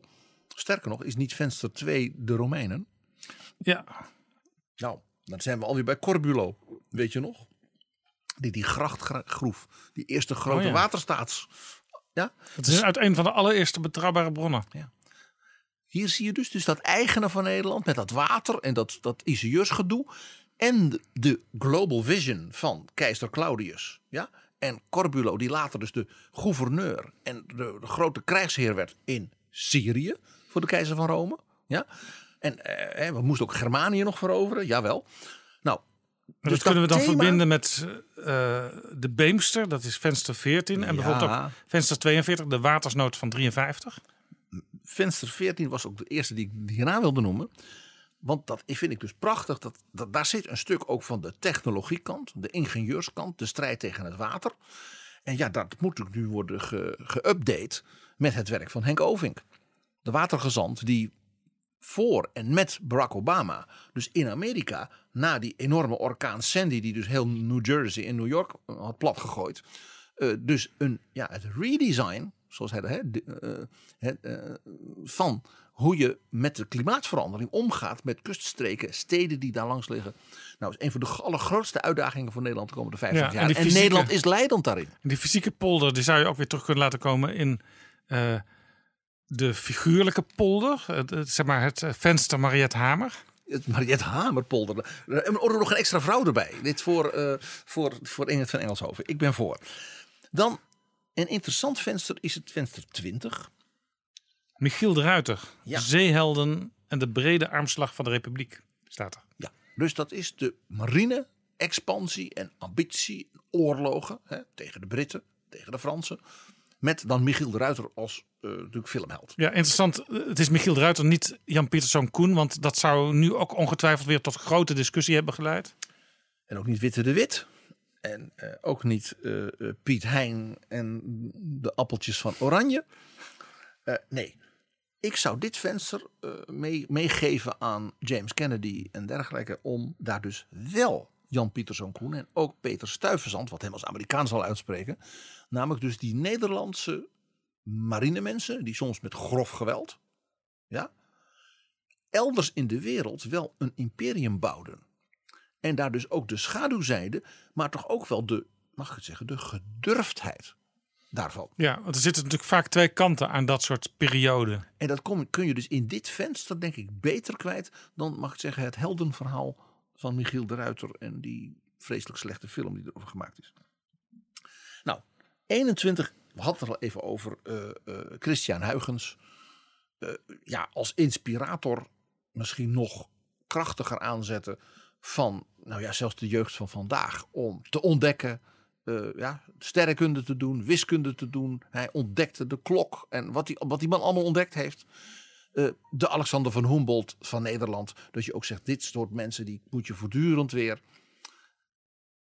Er is maar één Nederlander naar wie dus een, ooit een ruimtesonde is genoemd. Die dus de, een van de meest unieke ontdekkingen gedaan heeft. De sonde Huygens. Die landde op de, de maan Titan bij Saturnus in 2005. Een jaar voor de kanon werd bekendgemaakt. Die maan had hij ontdekt met zijn sterrenkijker. Hij had dus de ringen van de planeet Saturnus ontdekt. Hè, dat prachtige fenomeen. En dat daar vier hele kleine sterretjes omheen draaiden. En één daarvan was duidelijk sterker qua licht dan die drie andere. En die heette dus Titaan. Naar de vader van Saturnus. Maar ik hoor dat jij, eh, je gaf natuurlijk de lijst die er was eh, al een negen. Dat je niet heel structurele veranderingen wil. Sommige vensters moeten wat aangevuld worden, wat aangepast. Komt nog, komt nog. We lopen nu de, de vensters nog eens even door. Eh, bijvoorbeeld, er is een venster en dat is gewijd aan Napoleon Bonaparte. Ja. Over de Franse tijd. Ja, we- ga, je gaat nu toch niet over Lodewijk Napoleon, hè? konijn van Holland eh, beginnen? Natuurlijk. Ik zou vanuit de vaderlandse geschiedenis deze eerste koning, dus de Ja, maar- oprichter van de monarchie, Ja, maar die man was broer van en van de keizer. de, de grote Napoleon Bonaparte, die heeft zoveel invloed op Europa gehad. Ja, en Nederland was ook een tijd Frans, dus logisch dat je daar het venster van maakt. Ja, dat Franse, dat is uiteindelijk maar drie jaar geweest van die hele periode. Eh, de echte grote verandering in de Franse tijd was dus dat het republikeinse Bataafse Republiek, Ja. wat eigenlijk een voortzetting was, zij het gemoderniseerd en gecentraliseerd door de Fransen. Met een prachtige Bataafse grondwet. Met een grondwet en alles erop en dran. Dat dat als het ware zijn culminatiepunt vond in een koning, de broer van de keizer, die vervolgens eh, een, van de, eh, eh, zeg maar, een van de meer nobele heersers bleek te zijn die ons land heeft gehad. En dat is de- wel heel spannend. En daardoor ook heel bepalend Dus en heel zeg maar- eigenzinnig voor Nederland. Als voorbeeld van een verlicht regime zou je het kunnen... Ja, een verlicht despoot. Ja. En, en, en, en, en eh, dus vandaar dat mijn suggestie. Niets tegen Na- Napoleon Bonaparte. Als het begrip grande personalité voor een klein mannetje. Gerlakers Buma heeft nog voor hem gewerkt. Ik, ik bedoel maar, ik bedoel maar. Is, heeft de keizerin Marie-Louise nog begeleid naar haar paleis. Juist. Dan, ehm 30. Venster 30, dat heet de grondwet. Ja, heel belangrijk. Heel belangrijk. 1848. En toch ben ik verbaasd dat het niet gewoon Thorbecke heet. Ja, vanuit het idee dat personen tot de verbeelding kunnen spreken, dat je dan ook dingen beter onthoudt. Dat je mensen hebt die zegt van ja, die zijn zo herkenbaar, iconisch. Hè? Zoals als eerste dan Erasmus, Willem van Oranje. Ik zal straks nog met een aantal suggesties komen van nog meer. Ook dus misschien meer vrouwen. Daarom is het ook zo interessant om biografieën te lezen en ook over te praten. doen we ook regelmatig in betrouwbare bronnen. Zeker, er komen er nog meer, zelfs de komende weken. Eh, ik zou hier dus pleiten voor Thorbecke. Eh, ook doordat hij niet alleen maar die grondwet heeft gedaan, maar vooral de vertaling van dus die constitutie in organieke wetten. De gemeentewet, de provinciewet, de onderwijswetten die hij gemaakt heeft, de infrastructuurwetgeving, waardoor de spoorwegen, de kanalen, eh, het, de, de, de, het Centraal Station in Amsterdam, de Noordzeekanaal, de Rotterdamse haven was niet eh, geworden wat ze was nu. Als Thorbecke dus niet dat visionaire van die ingenieurs van zijn tijd gewoon een kans had gegeven. Dus het is veel meer dan alleen de grondwet. Het is dus die fundamentele modernisering van Nederland na 1848 en ook na dus de Belgische afscheiding. Dan in 32, venster 32, daar zit een echt een omissie in. Ja, dat heet verzet tegen kinderarbeid. Ja, dat is prachtig. Maar daar, had ook dus, daar moet ook de schoolstrijd bij. Want een van de redenen waarom men zei: ja, de kinderen moeten niet in de fabriek of op het land en dergelijke, was het besef, mede door- Thorbecke, dat het onderwijs iets was waar de hele samenleving zo voor moest inzetten. Niet alleen maar vrijwillige kerkelijke organisaties. En dat leidde tot de schoolstrijd. Als je dat doet, hoe organiseer je het dan? En hoeveel vrijheid geef je ouders en, ik zal maar zeggen, de, de, de staat als regulateur en de ouders als de dragers van de opvoeding. Ja, ja je zou kunnen zeggen, eh, het venster zou de pacificatie moeten heten. Want Ja, dat is de conclusie. er werden een aantal maatschappelijke problemen, werden zeg maar in een groot compromis opgelost. in 1917. Maar ik ben dus voor dat je zegt die, die sociale strijd van de 19e eeuw. Die vind ik nog belangrijker eigenlijk als thema. En daar hoort dus die schoolstrijd nadrukkelijk bij. En ik verwijs even naar het verhaal over de Humboldts. Met Wilhelm van Humboldt, die dus al in 1810 dat fundamentele recht op onderwijs en de organisatie daarvan dus grondvesten. En laten we niet wel wezen, dus Thorbecke echt ruim 50 jaar later daar pas ook mee kon beginnen. Dus dit Ja. is een onderdeel ook van dus dat Nederland zo vertraagd ja, was met de industrialisatie, de sociale kwestie en dus ook de schoolstrijd. Ja, je zou zelfs, als je het politiek in stromingen vertaalt, die stromingen komen op zichzelf niet in die, in die hele vensterlijst Dat hoeft ook niet. Maar je had natuurlijk eerst een, een liberale dominantie in de Nederlandse politiek. Dat zit dan weer Thorbecke. Op een bepaald moment kreeg je die sociale strijd, dus zeg maar het socialisme kwam op. En de schoolstrijd, de confessionele. En later, zeg maar na de Tweede Wereldoorlog, eh, dominantie van de, de, de, de CDA-partijen. Dat is natuurlijk al na 1917. Eerder dus al. Ja. Wat uiteindelijk een einde vond in eh, Paars 1994. Althans, dat denken we. En daarna een verdere versplintering en, ont, en zeg maar een, definitieve ontzuiling van Nederland. Dat thema, daar, dat ben ik erg met je eens, dat, dat ontbreekt hier nog. Eh, bij punt 42, eh, dat gaat over de, de, Watersnood. de watersnood. Ook daar zou je een verbinding kunnen leggen natuurlijk nu met het klimaatvraagstuk. En hè, waar we het over hadden bij de Beemster. Hè, met de wereldwijde ja, expansie van Nederland met zijn kennis. Eh, met, met, met Henk Ovink en Ja, dergelijke. ondertitel is de dreiging van het water. Ook nu weer heel actueel met het klimaatprobleem. Daarom, dus, ik, dus dat zou ik een mooie eh, soort verrijking vinden bij de Beemster en dan dit en dan verder. Dan bij 43, dan zie je dus ook hoe in 11 jaar dus dingen kunnen verouderen. Ja, de televisie. Ja, de televisie. En wat staat erbij? De opkomst van een medium of zoiets dergelijks? De doorbraak van een massamedium. Daar moet natuurlijk ICT, internet en de daarmee samenhangende creatieve ontwikkeling van de creative industries en dergelijke, waar En- Nederland zo goed Maar in is. wel heel interessant. Eh, de televisie en daarvoor natuurlijk ook al de radio. Dat was broadcasting. Ja. En nu komen we in een fase, zitten we in een fase dat daar een nieuw fenomeen aan wordt toegevoegd, namelijk narrowcasting. En daar is in feite eh, betrouwbare bronnen een exempel van. Ja, we hebben gewoon een 51ste venster nodig en dat heet betrouwbare bronnen, dat is duidelijk. Want het wordt dus niet meer op radio of televisie voor po- potentiële miljoenen uitgezonden. En dus het, ver- het versplinteren ook daarvan dingen als publieke omroep. Maar het is heel erg een individuele keuze van mensen geworden. De mensen luisteren ook vaak via oortjes en koptelefoon onderweg tijdens het sporten.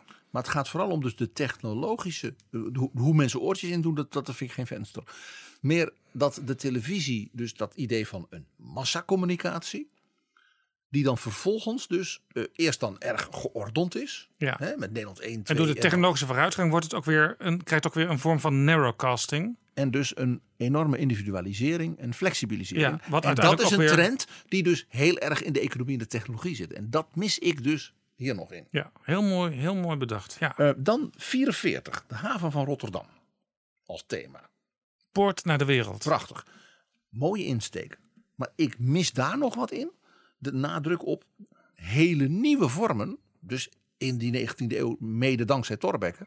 Van logistiek, distributie, transport. En dus de wereldhandel. Dat typisch mercantiele van Nederland. Hoera, we hebben de haven van Rotterdam. We hebben dat kanaal gegraven. We hebben nu de Waalhaven. En dan nu Europoort 2, Europoort 3. Want dan kunnen we de Duitse industrie. Ja, onze, hun spulletjes en de Betuwelijn en wat dan is. Dat is zo Nederlands als maar kan. En dat vind ik wat onvoldoende aangestipt. Dat zou nu wat nadrukkelijker, daar zit dus ook de globalisering bij. eh, en de wereldwijde handels. Nederlands transportland. Ja, ik ga nu iets eh, eh, wat controversieels zeggen, denk ik. Eh, namelijk nummer 47. Srebrenica. Ja. En daar wordt dan gesproken over dat het De dilemma's van vredeshandhaving. vredeshandhaving. Dit is dus, daar zie je, denk ik, een onderwerp dat wat vergleden is. Ja, het wordt natuurlijk wel als nationale schandvlek nog steeds jaarlijks in juli herdacht. Ja. Wij wilden iets goeds doen voor de wereld en het liep uit op een vreselijk drama. Ja, maar het onderwerp wat hier zit, is niet Bosnië. Het onderwerp is natuurlijk dat Nederland in een heel ander Europa kwam na de val van de muur. En dat dus nieuwe spanningen, nieuwe angsten en nieuwe vormen van vredeshandhaving en proberen met hè, Maastricht en de euro elkaar de, de Hanze van van, Ja. van en het idee wat verviel, bij elkaar te brengen. wat verviel dat we ons voor moesten bereiden op een inval van de Russen.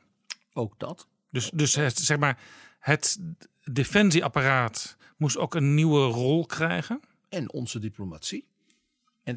Je zou hier bij wijze van MH17 en Srebrenica samen als zwarte bladzijde, als de minister dat wil, dat je dat ook laat zien hoe, hoe, hoe angstig het ook zo soms kan zijn. Ja. Die grote veranderingen. Maar als je dan MH17 aankoppelt, dan weet ik ook daarvan dat we daar over 15 jaar weer van zeggen. Vandaar dus mijn voorzichtige kritische kanttekening. Nummertje 49, dat is er een Ja. met een opvallende Die noemden we even al aan het Ja. begin, de gasbel. Met dat prachtige Vraagteken. daarachter, 1959 tot 2030, een vraagteken. Nou ja, dus is heel Het, zeg duidelijk. maar het Wiebesvenster. Het Wiebesvenster, ja. Eh, eh, eh, ik ga voor een klein bevingje zorgen in de kanon. Ik zou dit toch ombouwen tot hoe Nederland in de voorbije 50 jaar van een 19e eeuwse kolen ja, en energie en de olie uit Indië, hè, want dat, dat was het. Dan hoe dus dat het hele vraagstuk van in een dichtbevolkt land met energie, met klimaat en hoe je daarmee worstelt. En bij die worstelingen in de plus van de welvaart en de zekerheid die het Nederland bracht en de zorgen die het ook brengt hè, in Groningen, die horen ook bij dus die, ja, die witte en zwarte bladzijden van dat geel. Dus ik zou dit wat rijker maken en minder overslochteren. Ja, niet. Dus, dus staat er nu nog te veel als iets waar Nederland inderdaad rijkdom mee verwierf. Maar dat is een heel, heel beperkte blik. Nou, dat is wel een heel belangrijk element. Maar het gaat eigenlijk over ja, zeg maar de energetische zelfstandigheid van Nederland. En ook hier dus weer hoe je dus daarmee omgaat in die geglobaliseerde, vooral ook in Europa. En dan komen we meteen dus ook bij dat laatste venster. Europa. Ja, eh, ik zal er geen kwaad woord van zeggen natuurlijk. Maar ook hier eigenlijk globalization. Namelijk globaal worden we en tegelijkertijd heel erg weer bezig met onszelf. Met de identiteit, waar dus die kanon ook een zekere een uitdrukking van is. Dus Europa, jazeker. Maar dan wel Europa in de wereld met die andere nieuwe wereldmachten. Met China, met India, eh, met Poetin, hè, met het Rusland. Met de verwijdering van de Verenigde Staten. Ja, laten we er nu omheen draaien. En dat is dus een groot thema van. En hoe zal dat verder gaan met Nederland? In dat opzicht is het mooi als laatste venster. PG, als James Kennedy luistert, zou het wel eens zo kunnen zijn dat hij denkt: ik heb de nieuwe Paul van Menen gevonden. en hij zijn- nodigt je uit zijn, om deel te gaan nemen aan de beraadslagingen. er zijn grenzen aan zelfs zijn fantasie, denk ik. Want ik ben natuurlijk nooit leraar in het MBO geweest. Mag ik nog een paar witte vlekken aanwijzen? Bijvoorbeeld ten aanzien van vrouwen. Ja, want dat is natuurlijk een van de dingen ook. eh, we kennen Ingrid van Engelshoven, de minister. Als iemand die zeer begaan is eh, met de rol van vrouwen in de Nederlandse samenleving. Hè. Het, het glazen plafond doorbreken bijvoorbeeld is een ding waar ze ook als minister van Emancipatie mee bezig is. Wat Jet Bussemaker ook al enorm deed. Dus eh, hè, prima. Ik mis bij venster 12. De Republiek. Ja. Wat een voortreffelijk venster is. Staat ook een thema. staatkundig unicum. Staatkundig unicum. Dat heel eigene. eh, alleen stadstaten als Venetië, Genua, Hamburg, ja, hadden zoiets. Dat- Het woord zegt het al. Dus dat zijn typisch stadstaten en alle drie natuurlijk puur op zee. Hè? Ook weer nooit klein, want je bent aan zee. Venetië had zelfs een imperium en Genua ook. En dat had die republiek dus ook. Een republikeinse staatsvorm. En ik vind toch echt dat je die moet koppelen aan de persoon Johan van Oldenbarneveld. Want dat is toch de, de grondlegger en ja, de, de, de actor intellectualis. En dus ook de spanning rond de godsdienst die daarin speelde. Inclusief de reden voor zijn dood. Ja, en dus ook En de Oranjes natuurlijk. mooi inderdaad de spanning met de Oranjes zoals we ze nu kennen. En de voorgangers in die tijd. Ja, dus ik zou dat wat focussen eh, daarop. Ook omdat die andere dingen over de Gouden Eeuw, zal ik maar zeggen, hierin vaak gekoppeld zijn aan grande personaliteit. Huygens, Hugo de Groot, Rembrandt en natuurlijk schitterend Ja. Spinoza. Mensen die eigenlijk allemaal buiten kijf staan. Exact. En dan is het opvallend dat je dus bij dat staatkundige deel dan een soort algemene formulering hebt. Hetzelfde heb ik eigenlijk een beetje bij, de, bij zelfs twee eh, van die vensters, namelijk 25 en 26. IJzer IJzinga 25, de verlichting in Nederland. Ja. IJzer IJzinga is bij mij een beetje weggezakt. Wie was dat ook alweer? Dat was eigenlijk de man van het planetarium in Friesland. Dus ja, ik denk dat ik de heer Buma nu eh, eh, met al zijn voorvaderen en, eh, op mijn nek ga krijgen. De verlichting, het ontdekken van de wereld op rationele gronden. En dat is meer gekoppeld natuurlijk aan de patriottentijd. Dus de, de, de politieke verlichting. Ja, dat is ook het luik daarna. Juist. Ik zou die twee, zeg maar, wat, wat, wat her, her- herijken. Ik zou dus die verlichting, dus de ideeën van de verlichting, koppelen aan Johan Derk van de Capelle. De politieke, zeg maar, liberale revolutionair. Hè, die dus zei, wij moeten een, die republiek echt republikeinser maken. Moderner, democratischer. Hè, dus dat was de aanvoerder van de patriottenbeweging. Ja, in die tijd had je zelfs al eh, referendums. Zo is het. Wat een ellende toen al. Hè? En dat tweede luik, dat heet nu de patriotten. Daarvan zou ik dus zeggen van het, het echt fundamentele conflict. Wat ontstond met wat voor soort land kan die republiek nou zijn. En ja, daar moet je natuurlijk een vrouw eh, zetten. En dat is Wilhelmina van Pruisen. Wilhelmina van Pruisen. De oranje prinses. Die toen moest vluchten uit Den Haag. Voor de revolutie. En dat was een hele stoere dame. Dus de naam Wilhelmina voor stoere dames in eh, het Oranjehuis komt van haar. Want toen is zij dus, terwijl haar man, eh, geloof ik in Deventer of zoiets achterbleef, want dat was niet zo'n held. Toen is zij gezegd, ik woon in Den Haag, ik ben een prinses van Pruisen. Hè, het nichtje van Frederik de Grote. Wie denken ze wel dat ze zijn? En toen is ze dus teruggegaan naar haar huis in Den Haag en opgepakt in het beroemde Goejan Verwellesluis. En vernederd en dit en dat. Toen heeft haar broer, de koning van Pruisen, gezegd: Dit is zo'n belediging. En heeft dus met een enorm leger de patriotten dus, eh, nou ja, weggestuurd. Die zijn allemaal gevlucht naar Frankrijk. En dat leidde dus later tot de inval van Frankrijk en dergelijke. Dus toen werd Nederland ineens een plek van strijd, ook letterlijk strijd, hè, met oorlog en bezetting en inval van hier en daar, rondom revolutie en om, omwenteling. Wilhelmina van Pruisen. Ik denk dat Julia Wouters, die een, een van de eerdere betrouwbare bronnen sprak over vrouwen in de politiek, deze suggestie zeker kan beamen. Nou, dat, dat, zal me deugd doen als Julia dat doet. Eh, eigenlijk kom ik hiermee, zoals je ziet, tot een, wat, een aantal bijstellingen, een aantal inschuivingen. Eh, ik, ben, ik vind zelf eh, één opmerkelijk ja, witte vlek erin. En die speelt eigenlijk na dat element van de schoolstrijd. Zit ook bij Drees. En ook bij Annie M.G. Schmid. Dat is natuurlijk de verzuiling. Ja. Want dat is natuurlijk Het, het internationaal, het kenmerk lang voor Nederland. Ja, dus die, In Amerika studenten leren wat verzuiling is. van, van, van James Kennedy en van Leiphart en dergelijke. En dus ook dat aspect van dat Nederland altijd bestond uit minderheden die het met elkaar moesten doen. En dat werd soms dan in politieke partijen katholiek, protestant, socialist, liberaal. Anders weer moderner in de polder. Eh, nu dus, eh, Wopke doet het met zeven kleine Ja. landjes in Europa. En in de Nederlandse politiek, de versnippering noopt ook tot over grenzen heen samenwerken. Want er zijn nieuwe grensjes bijgekomen. Terwijl we toch ook allemaal heel erg op elkaar lijken. En dus dat hele element van de polder als symbool voor het polderen. En je zult het met elkaar moeten doen. Eh, je kunt elkaar ook de tent uitvechten. En dan krijg je dus Goejan Verwellensluis. Dan heb je gelukkig een stoere vrouw. Maar ja, dan wordt ze toch gevangen gezet. Terwijl ze de prinses is. Het is toch wat, hè? Nou, dus dat hele thema van de verzuiling. En dus hoe gaat een land van minderheden met elkaar om?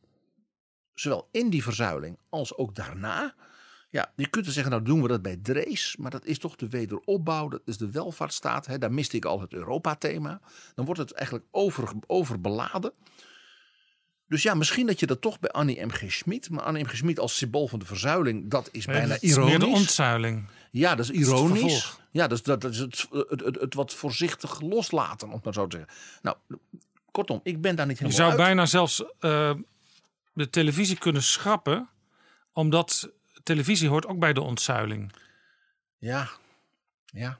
Nou ja, in elk geval, we hebben dus eh, Het, het, het, het was een laatste stuiptrekking van de verzuiling, maar het leidde tot ontzuiling. Ja, maar dan heb je het over de omroepwetgeving. De televisie was gewoon zelf, een, een, een- net als de radio en het internet, een technologische nee, verandering. maar goed, het werd meteen door de traditionele zuilen eh, ingepikt eigenlijk, televisie. En zo toegestaan. Maar het werd ook een venster op de wereld waardoor mensen zich emancipeerden. Ja, het is ook eigenlijk heel jammer dat er bij het internet, dat de kabinet, Fernsehen. dat de kabinetten Lubbers en zo toen niet Verrekijk. een verzuiling van het internet in Nederland hebben doorgevoerd. Dat, dat, dat had toch wel leuk geweest.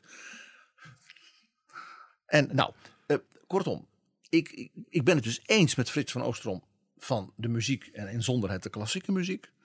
Eh, ik wijs op het element van de En de verzuiling. popmuziek. En de verzuiling hè, als, als een soort kenmerk, want die zelfs ook uit die republiek met die minderheden die het met elkaar moesten doen. En waar men al door nieuwe vormen vond om dat dan toch te doen. In de jaren twintig natuurlijk, ook met de radio. Hè. Eh, Dan die, de, de wederopbouwfase. eh, hè. En dan natuurlijk de jaren 60, 70. eh, en ja, dan ook in deze tijd dat je het toch weer samen moet doen. Wat dus ook een sterk Europese dimensie heeft. Nou, eigenlijk zijn dat wat mij betreft zeg maar, de, de, de, de gedachten, de namen, de toespitsingen, soms ook de aanvullingen eh, ten opzichte van de kanon. Dankjewel, PG, voor deze kanonschoten voor de boeg. Zullen we dan, om Frits van Oostrom nog extra blij te maken, het Concertgebouworkest onder leiding van Bernard Haitink bijvoorbeeld het slot van de derde symfonie van Gustav Mahler laten spelen? Maar dan moet er eigenlijk ook nog wat popmuziek bij. Want ik ga in het concertgebouw een paar keer per jaar naar een popconcert. Die worden daar ook nog steeds gehouden. Dat is weer het echte mercantiele Nederland als die stoelen maar verkocht zijn. Malig. Dankjewel, PG.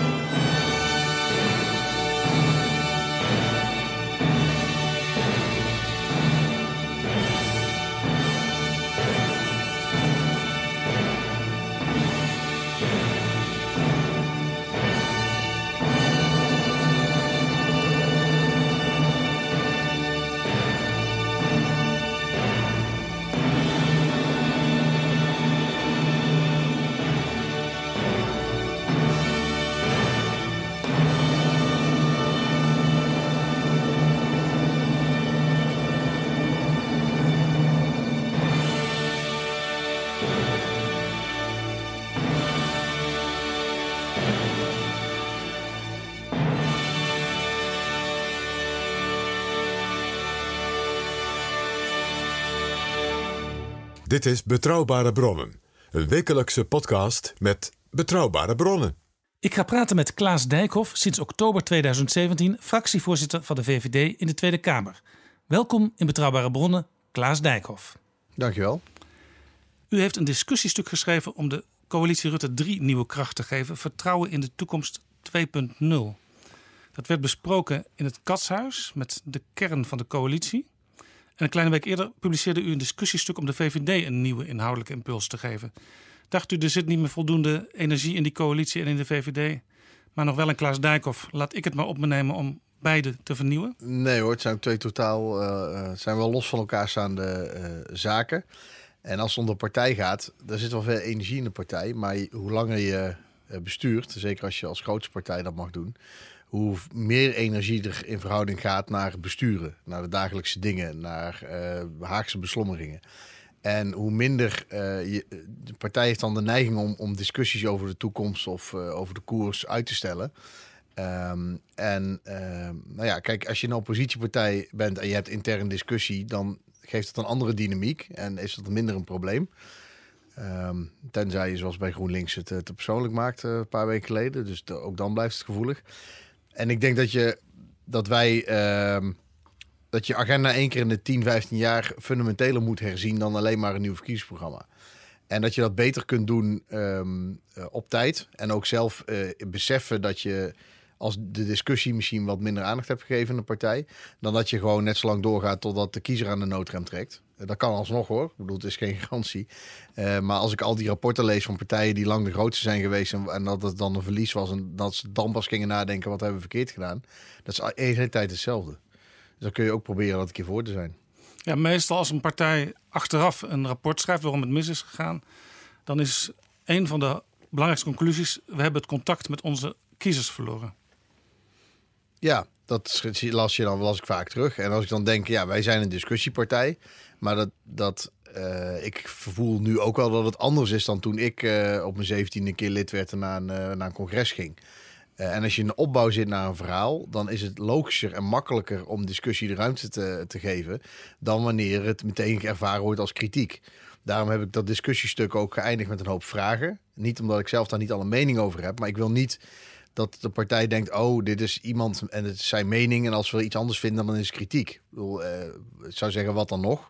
Maar ik merk wel dat dat minder stimuleert. Dus ik zeg ook op, op deze avonden waar we het erover hebben met leden.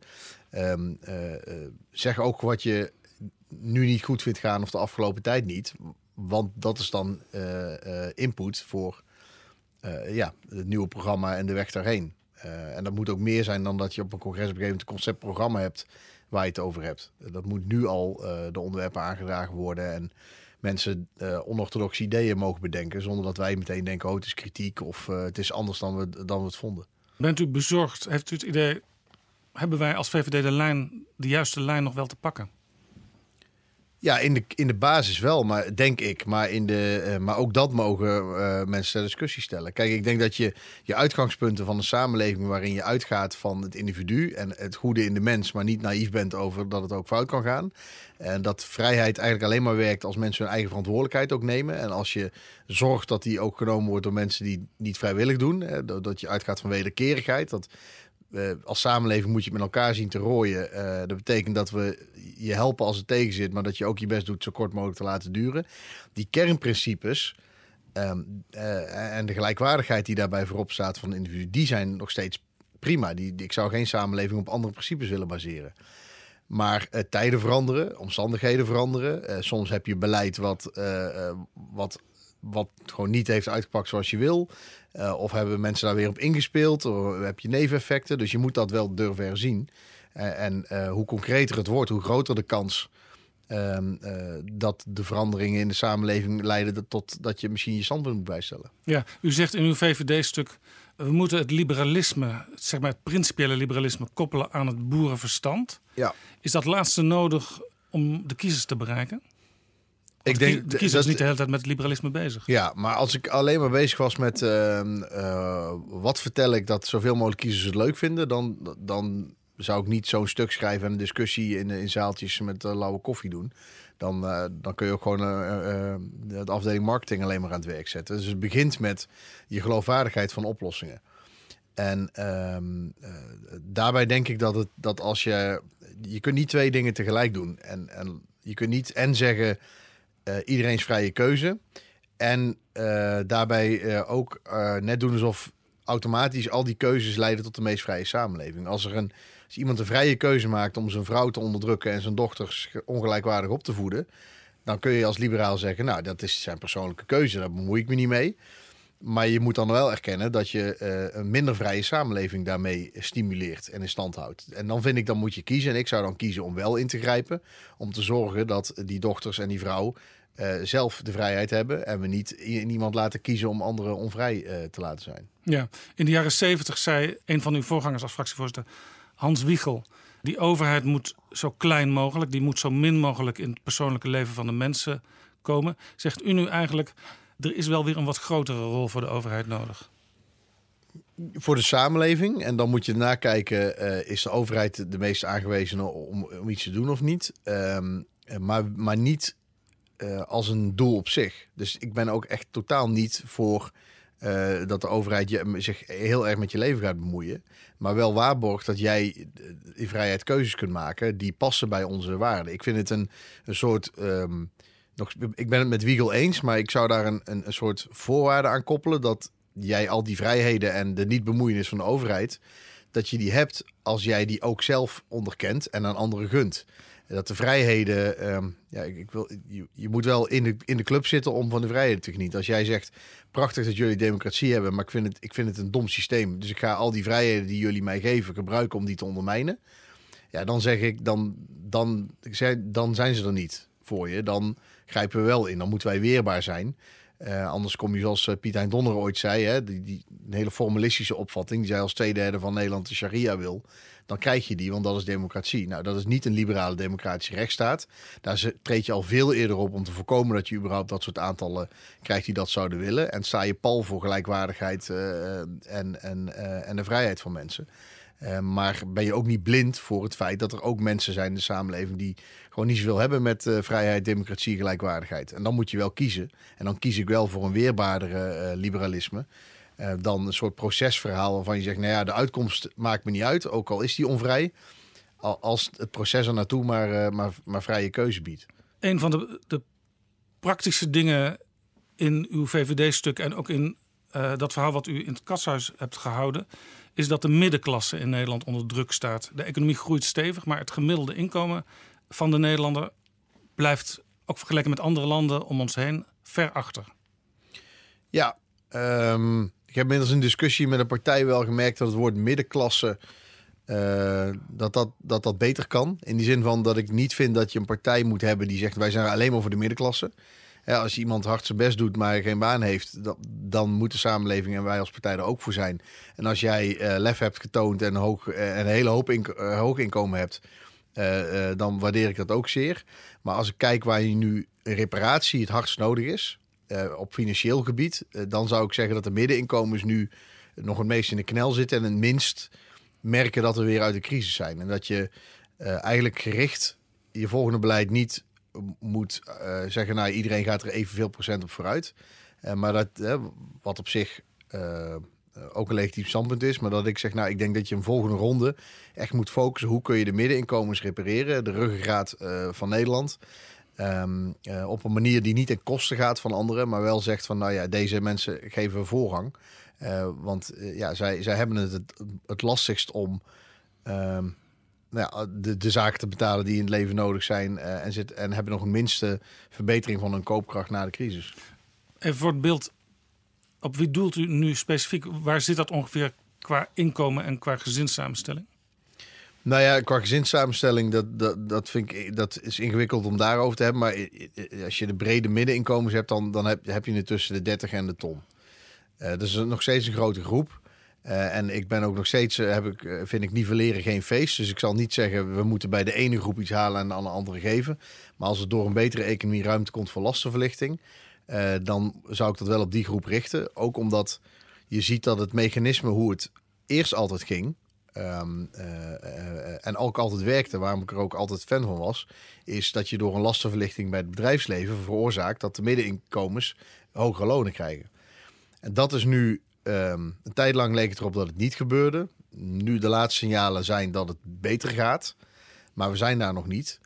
Ehm, eh, en ja, dat is wel het middel. Hè, lastenverlichting voor bedrijven is een middel, geen doel op zich.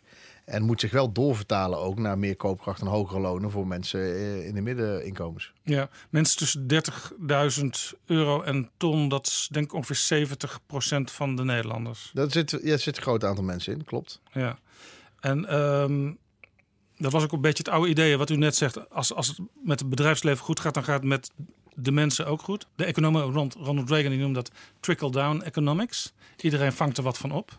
Ja, trickle-down was ook wel een manier om te zeggen... als we de hoge inkomens de lasten verlichten, dan trickelt dat down. Dat is natuurlijk weer een ander verhaal. Dus die twee laten we even scheiden voordat, uh, voordat ja, net als een believer daarin... Boris uh, Johnson, die nu premier van het Verenigd Koninkrijk wil worden... Mhm. die heeft ook een plan waarin juist de inkomens boven een ton uh, minder belasting gaan betalen.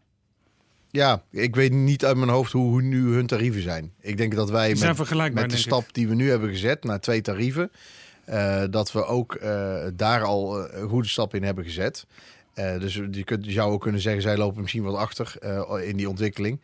Um, um, en het kan zijn dat Boris Johnson ook gewoon kiest voor een andere electorale groep. Um, ik zou willen dat iedereen die, er, die onder de middeninkomens zit, dat wij beleid voeren en een samenleving zijn waarin je, als je je best doet, tot de middenklasse kunt gaan behoren. En daarboven hartstikke tof als je veel verdient. Uh, ga ik ook echt niet bestraffen. Heb ik echt geen jaloeziebelasting voor.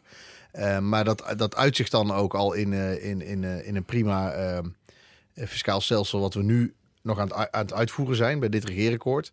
En je ziet dat de meeste druk nu gewoon zit toch net daar weer onder. Um, en dat is dan waar je moet repareren. Ja, maar als er straks bij algemene beschouwingen weer koopkrachtplaatjes liggen...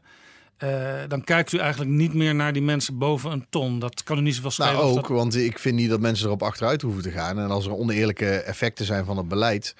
Uh, wat ik niet verwacht hoor, met de koopkrachtplaatje eerlijk gezegd... Dan, dan kun je nog steeds voor een reparatie gaan. Het is niet dat ik zeg de een moet in de min. Of dat maakt me niet uit. Ik gun dat iedereen van harte. Uh, ik ben zelf als Kamerlid ook in de, in de, in de bevoorrechte positie... dat ik meer dan een ton verdien. Dus het is niet zo dat ik denk dat er iets mis is. Alleen de vraag is, als je beperkte middelen hebt, hoe breed smeer je het dan uit? Uh, en ik denk dat ook mensen die, um, uh, die uh, het fijne voordeel hebben van een hoog salaris, zien dat het bij de middeninkomens harder knelt nu. Het is niet dat je zegt, de, ik ga nooit meer iets de belasting verlagen voor hogere inkomens. Het gaat erom, wat is nu op dit moment het probleem? Waar knelt het nu en waar moet, repareer je het het, eerst?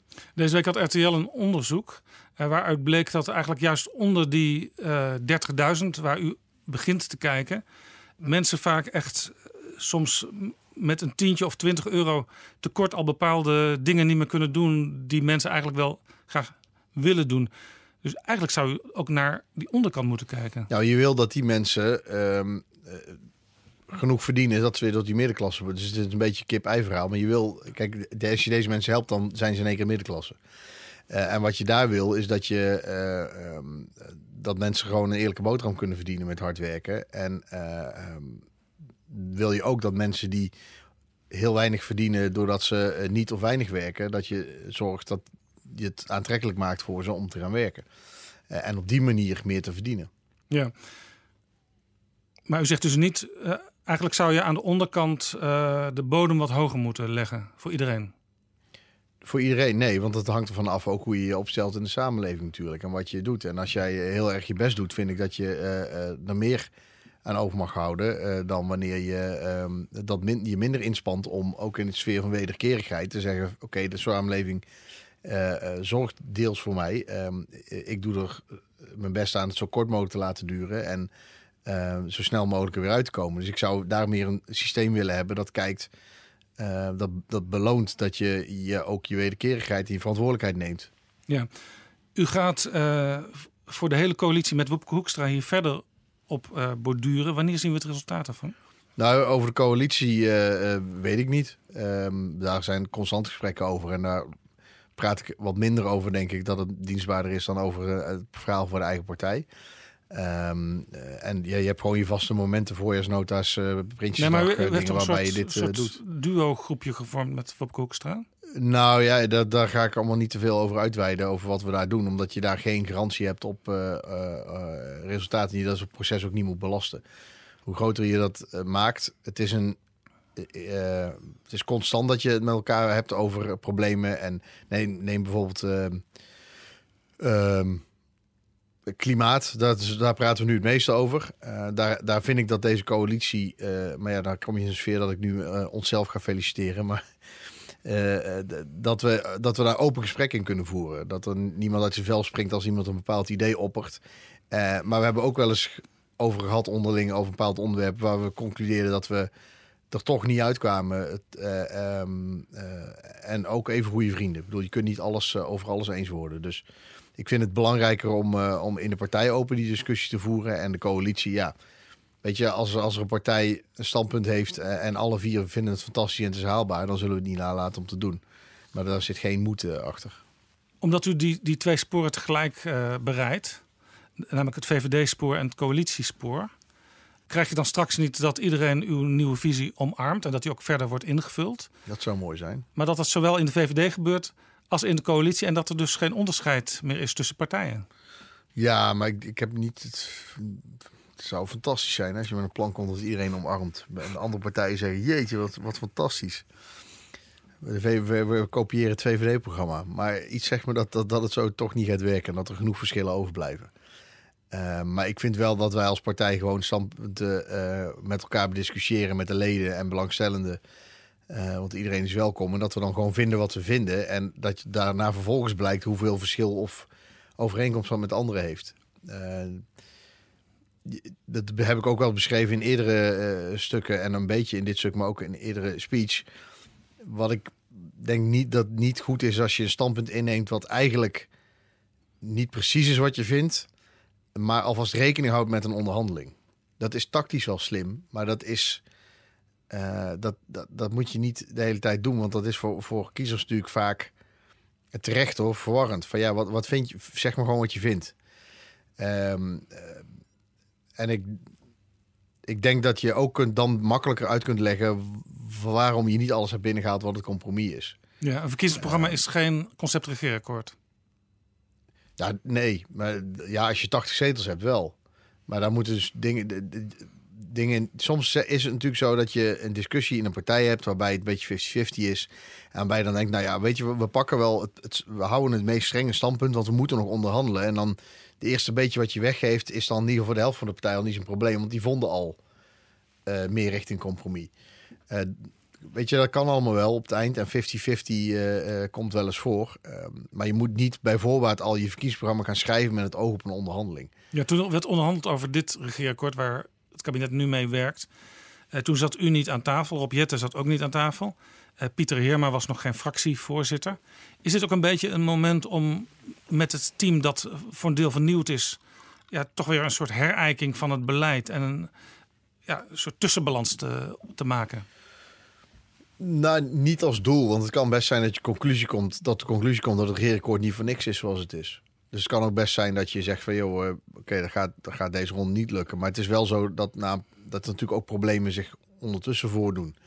En dat je soms, ehm, ja, ik, er zit dus een beetje een sfeer. En dat bij iedere wisseling is, dat, is de sfeer wel op dezelfde manier gebleven tot nu toe. Dat je wel probeert elkaar uit te dagen. ehm, eh, dat je niet te makkelijk zegt van nou laten we dit probleem maar ehm eh, eh, zo een compromis sluiten dat we er eigenlijk niks aan doen, maar er ook geen last van hebben.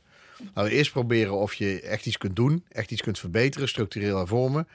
Eh, en of, je de, of de pijn voor iedereen te overzien is en er genoeg voordelen in zitten. Zonder dat dat een, eh, eh, betekent dat als je begint met praten dat je eruit moet komen. En op die methode hebben we best regelmatig een resultaat bereikt waarvan ik denk, goh, dat was alle reden om het gesprek niet te openen. Ehm, maar als je maar het vertrouwen hebt dat je uiteindelijk altijd nog kunt zeggen: ja, sorry jongens, dit is echt, dit ga ik niet trekken. Zonder dat de rest dan boos wordt van ja, we zitten nu al te praten hierover. Eh, als, je, als je elkaar dat, die ruimte gunt, dan kun je ook je, elkaar en soms jezelf verrassen door, ehm, eh, door toch elkaar beter te vinden. Door te kijken van, nou, laten we de positieve kanten opzoeken. Nou, het doel is natuurlijk wel om eruit te komen. Want, eh, we, Ja, maar er is nu geen probleem waar je uit moet komen. Kijk, we hebben, we hebben ook gehad, hè, dividend, kinderpardon. Dan heb je eerst een probleem en dan moet je eruit zien te komen. Bij klimaat heb je iets voorgenomen. Dan ligt er een pakket nou, waar ik al eerder kritiek over heb, heb geuit. En dan kun je daarna zeggen van ja, eh, nou eh, wa- kun je boos blijven. Of je kunt zeggen, nou maar waarom heb jij kritiek en waarom heeft de ander kritiek? En zit er niet ook iets in waardoor we het samen beter kunnen maken? En daarom hebben we in maart al een soort tussenbericht gehad vanuit eh, het kabinet hè, met de coalitie.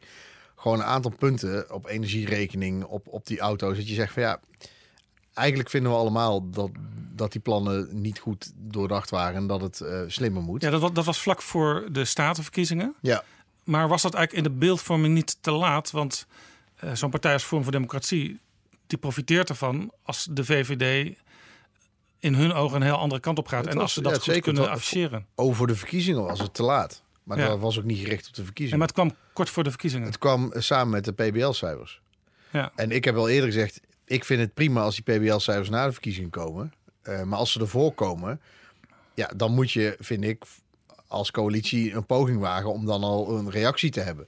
Oh, ik had gehoord dat u wel een keer intern gezegd heeft... eh, het is wel een probleem als het net voor de verkiezingen komt. Dat heb ik extern gezegd. Ik, heb eh, ook op, ik ga er niet over wanneer het komt.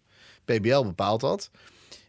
Ik vind het, risk- het, is een, het zijn cijfers die een beleid moeten vormen voor 30 jaar. Die, de verkiezingen hebben geen invloed op dat beleid. Want die gaan over provinciale staten en de Senaat. Dus ja, weet je, je loopt gewoon een risico als je dat een week voor de verkiezingen doet. Dat om, dat, dan zit de politici net in een ander standje. Dat je, eh, eh, dat je meer kapot maakt dan, dan eh, goed doet. Maar ja, ik, ik ga er niet over wanneer die cijfers komen. Dus ik heb prima. Ik heb alleen naar mijn mening over gegeven dat het niet de meest vruchtbare periode is een week voor de verkiezingen om Ja. dit soort dingen te laten landen. Het probleem is natuurlijk ook dat, dat kiezers het idee kunnen hebben...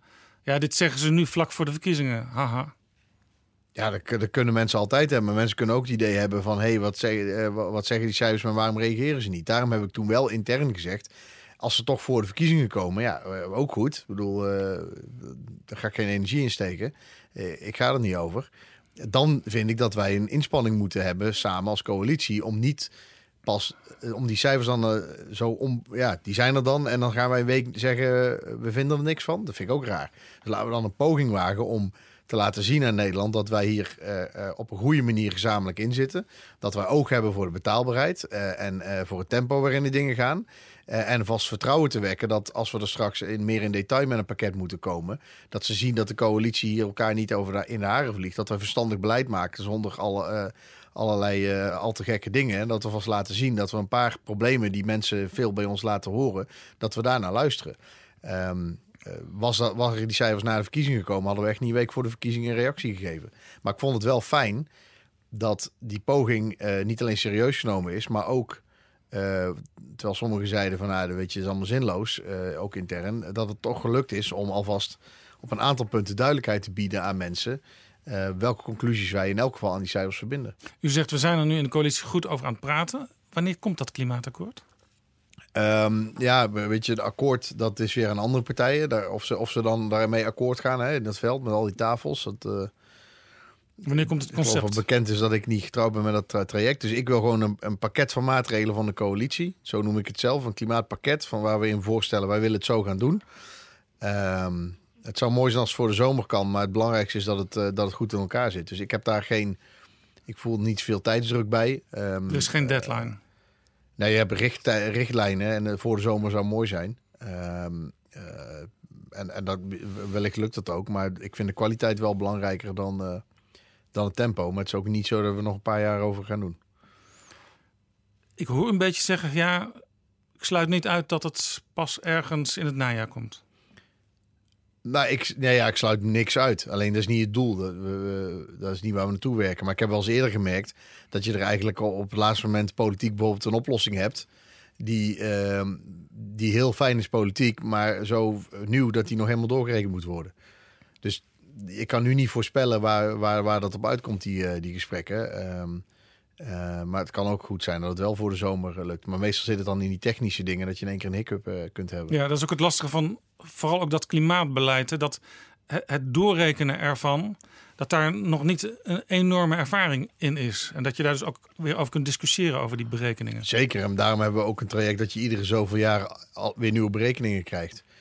Kijk, de wereld verandert constant en op dit gebied is, heel, is iedereen mee bezig. Dus een, een beslissing in, eh, in, in, eh, van grote autofabrikanten, om er iets te noemen, op een tempo waarin zij elektrische auto's in de markt zetten. En, de- en de prijsdalingen die dat eh, leidt op de accu's. Dat heeft natuurlijk meer invloed dan wat wij aan stimulering doen.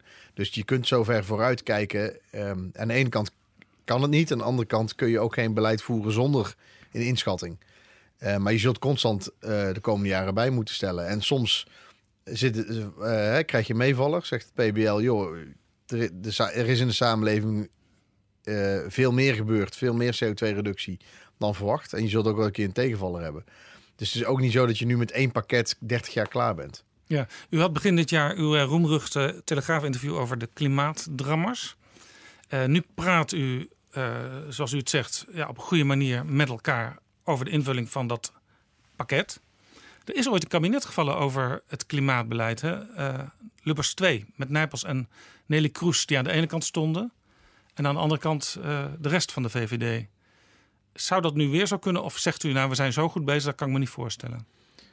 Ik kan me dat nu niet voorstellen. Ehm, omdat ik denk dat het niet nodig is. Dus op de, op de inhoud. Kijk, als je in zo'n situatie komt als toen, dat je, ehm, dat je gewoon geen, eh, eh, geen rekening houdt met eh, een voorstel doet het geen rekening houdt met bezwaren van een partij, ja, dan, dan kom je in dat soort problemen. Maar ik zie wel dat we de afgelopen maanden, ik bedoel, de zorgen die ik geuit heb, vond ik nodig omdat ik vond dat er te weinig aan bod kwam. Zeker met het, met het product van die klimaattafels. Maar als ik zie hoe we nu bezig zijn, hoe alle coalitiepartijen eh, eh, erin zitten, heeft iedereen oog voor de betaalbaarheid en het tempo. Ehm, en ook in, die tussen, in dat tussenbericht in maart hebben we al laten zien dat de correcties die we aan aan het brengen zijn, in elk geval al daarop gericht zijn. Op de energierekening, eh, eh, op het tempo van auto's en op, niet op oversubsidiëring van zaken.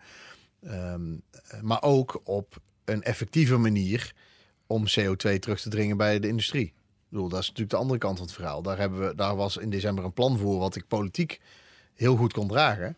Maar ja, als het niet werkt, dan ga ik daar natuurlijk ook niet aan vasthouden. Dan snap ik ook dat ik iets moet doen. Eh, dat je niet alleen tegen mensen zegt, we gaan stimuleren dat jij keuzes maakt waardoor je minder CO2 uitstoot. Op een manier die je niet op kosten jaagt en, en faciliteert. Ja, dan kan ik niet aan mensen vragen als ik op moment tegelijkertijd bij bedrijven zeg van nou, kijk maar of het iets lukt en alles is meegenomen. Maar echt, echt hard werk maken we er niet van. Dat is eigenlijk wat u noemt logisch liberalisme. Je hebt ideeën, maar die moeten wel uitvoerbaar zijn. Ja, je moet een CO2-heffing hebben die werkt.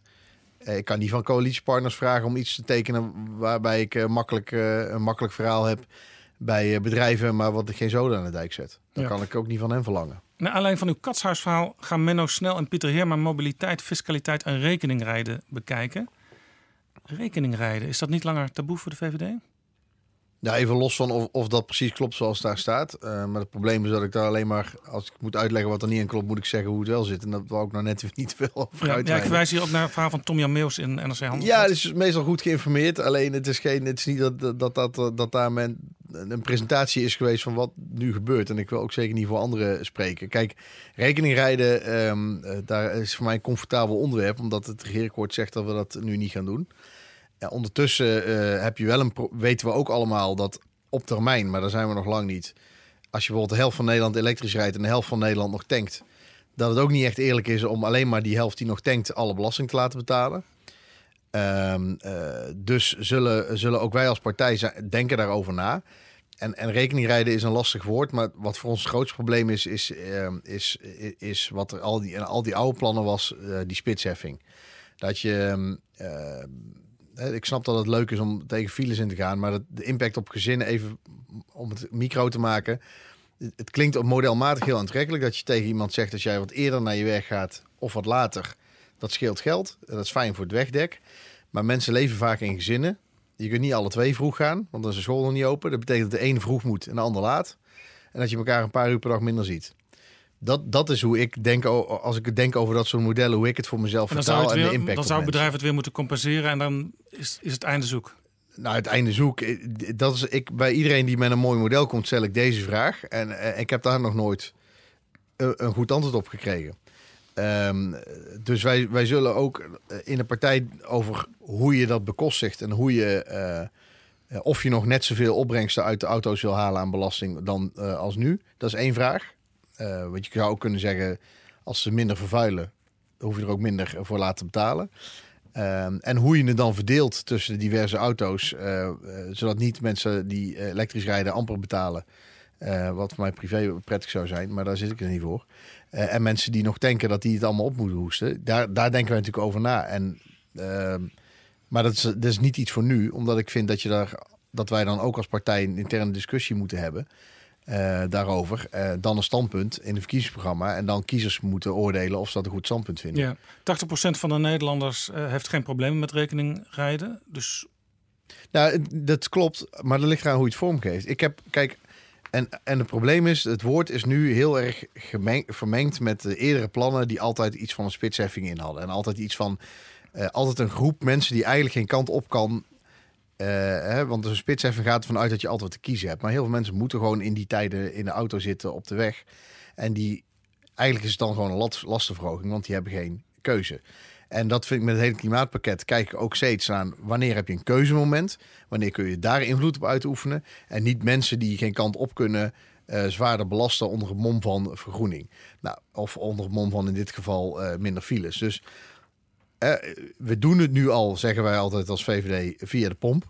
Hoe meer je rijdt, hoe meer je tankt, hoe meer je betaalt. Dat doen we nu al. Dus dat mensen dat een hoogst principe vinden, snap ik ook. Eh, als dat niet meer via de pomp gaat, moeten wij eh, nadenken hoe dat wel moet. Dat, ik heb al eerder ook gezegd, ik heb geen taboe op ideeënvorming. Ik heb wel het comfort dat ik het deze periode niet in hoef te voeren, waardoor ik altijd eerst als partij kan verzinnen hoe willen wij het liefst en dan aan de kiezer dat kan vertellen. En die kan dan bepalen wat hij ervan vindt. En als die allemaal zeggen topplan, eh, eh, we stemmen op je of het is in ieder geval geen reden om niet op je te stemmen. Ehm, dat vind ik een beter proces dan wanneer ik nu in mijn verkiezing heb gezegd ik wil het niet. Nu ook in het regeerakkoord heb staan ik hoef het nu niet te doen. En dan zonder naar de kiezer te gaan eh, in één keer daar een flinke haak op maken. Maar natuurlijk, het denken staat niet stil. Als we straks heel veel mensen elektrisch rijden, moet je een manier hebben dat die ook netjes van fair share meebetalen. Eh, en hoe dat dan uiteindelijk vormgegeven wordt en heet is een ander verhaal. Maar daar hebben we nog een paar jaar voor. ja, u zegt in uw VVD-discussiestuk over het klimaatbeleid... de levensstijl van mensen eh, mag niet aangetast worden. Maar dat is nogal makkelijk gezegd. Ja, dat, ja. Als je tot de conclusie komt, bijvoorbeeld... U, u doet het eigenlijk al, hè, als het gaat over vliegen. Daar wil u een vliegbelasting. Mhm. Dus eigenlijk zegt u daar, we gaan uw levensstijl toch iets proberen te beïnvloeden. Iets minder Ja, maar dat aantasten en beïnvloeden zijn wel twee dingen. Dus als je iets met een belasting onmogelijk maakt of gewoon verbiedt, dat vind ik een aantasting. Dat je eh, mensen eh, nog steeds de vrijheid laat die keuze te maken, maar eh, een deel van de effecten van die keuze beprijst, dat vind ik niet zo gek. Dus kijk, als een vliegtax ligt ook aan hoe hoog die is. Of je nog bent, bezig bent met, nou ja, oké, eh, als Maar als, het, als, als, die vliegtax laag is, hè, bijvoorbeeld een tientje Ja. per reis, wat heeft die dan voor zin? Nou, dan brengt hij eh, geld op waarmee je een deel, eh, waarmee je weer dingen kunt financieren die eh, leiden tot minder CO2. Eh, het zal in een heel beperkte mate ertoe leiden dat mensen denken: ik pak het vliegtuig minder. Maar dat is dus ook mijn doel. niet. Mijn doel is niet mensen vliegtuigen uit te jagen. En wat is dan de bedoeling dat er bijvoorbeeld bomen van gekocht worden? Nou, dat lijkt me niet de meest effectieve manier. Maar dat we andere zaken bekostigen, stimuleringen bekostigen, die bijvoorbeeld in het, eh, bij auto's of bij bedrijven minder CO2 veroorzaken of in huizen. Kijk, wij hebben gezegd, ehm, eh, of neem maar aan je eigen huis. Nou, je, daar moet het gewoon warm blijven. Dus alle, weet je, er zijn ook partijen die zeggen mensen moeten gewoon minder stoken. Trek maar een trui aan. Ja, weet je, dat, in mijn ogen gaat het zo niet werken. Dus moet je accepteren dat mensen nou eenmaal bepaalde huiswarmte hebben. Dat heb ik ook. Het is bij mij ook geen 19 graden. In thermostaat is ook hoger. En dan moet je gewoon kijken, hoe kan ik het net zo warm hebben met minder CO2-uitstoot? En hoe kan ik dat doen op een manier die niet die mensen faciliteert? Dus met zo'n warmtefonds waar we nu aan werken, dan eh, zou je als particulier kunnen zeggen, daar maak ik gebruik van. Maar het moet ook de mogelijkheid bieden dat er bedrijven zijn die daar gefinancierd bij worden, die tegen jou zeggen, nou, als jouw ketel toch al stuk gaat, ik heb een aanbod voor je. Je maandlasten blijven hetzelfde. Je warmte blijft hetzelfde. Eh, Ik kom alleen even een, halve dag klussen in je huis. En het resultaat is, je betaalde net zoveel als vroeger. Alleen je stoot minder uit en het is net zo warm.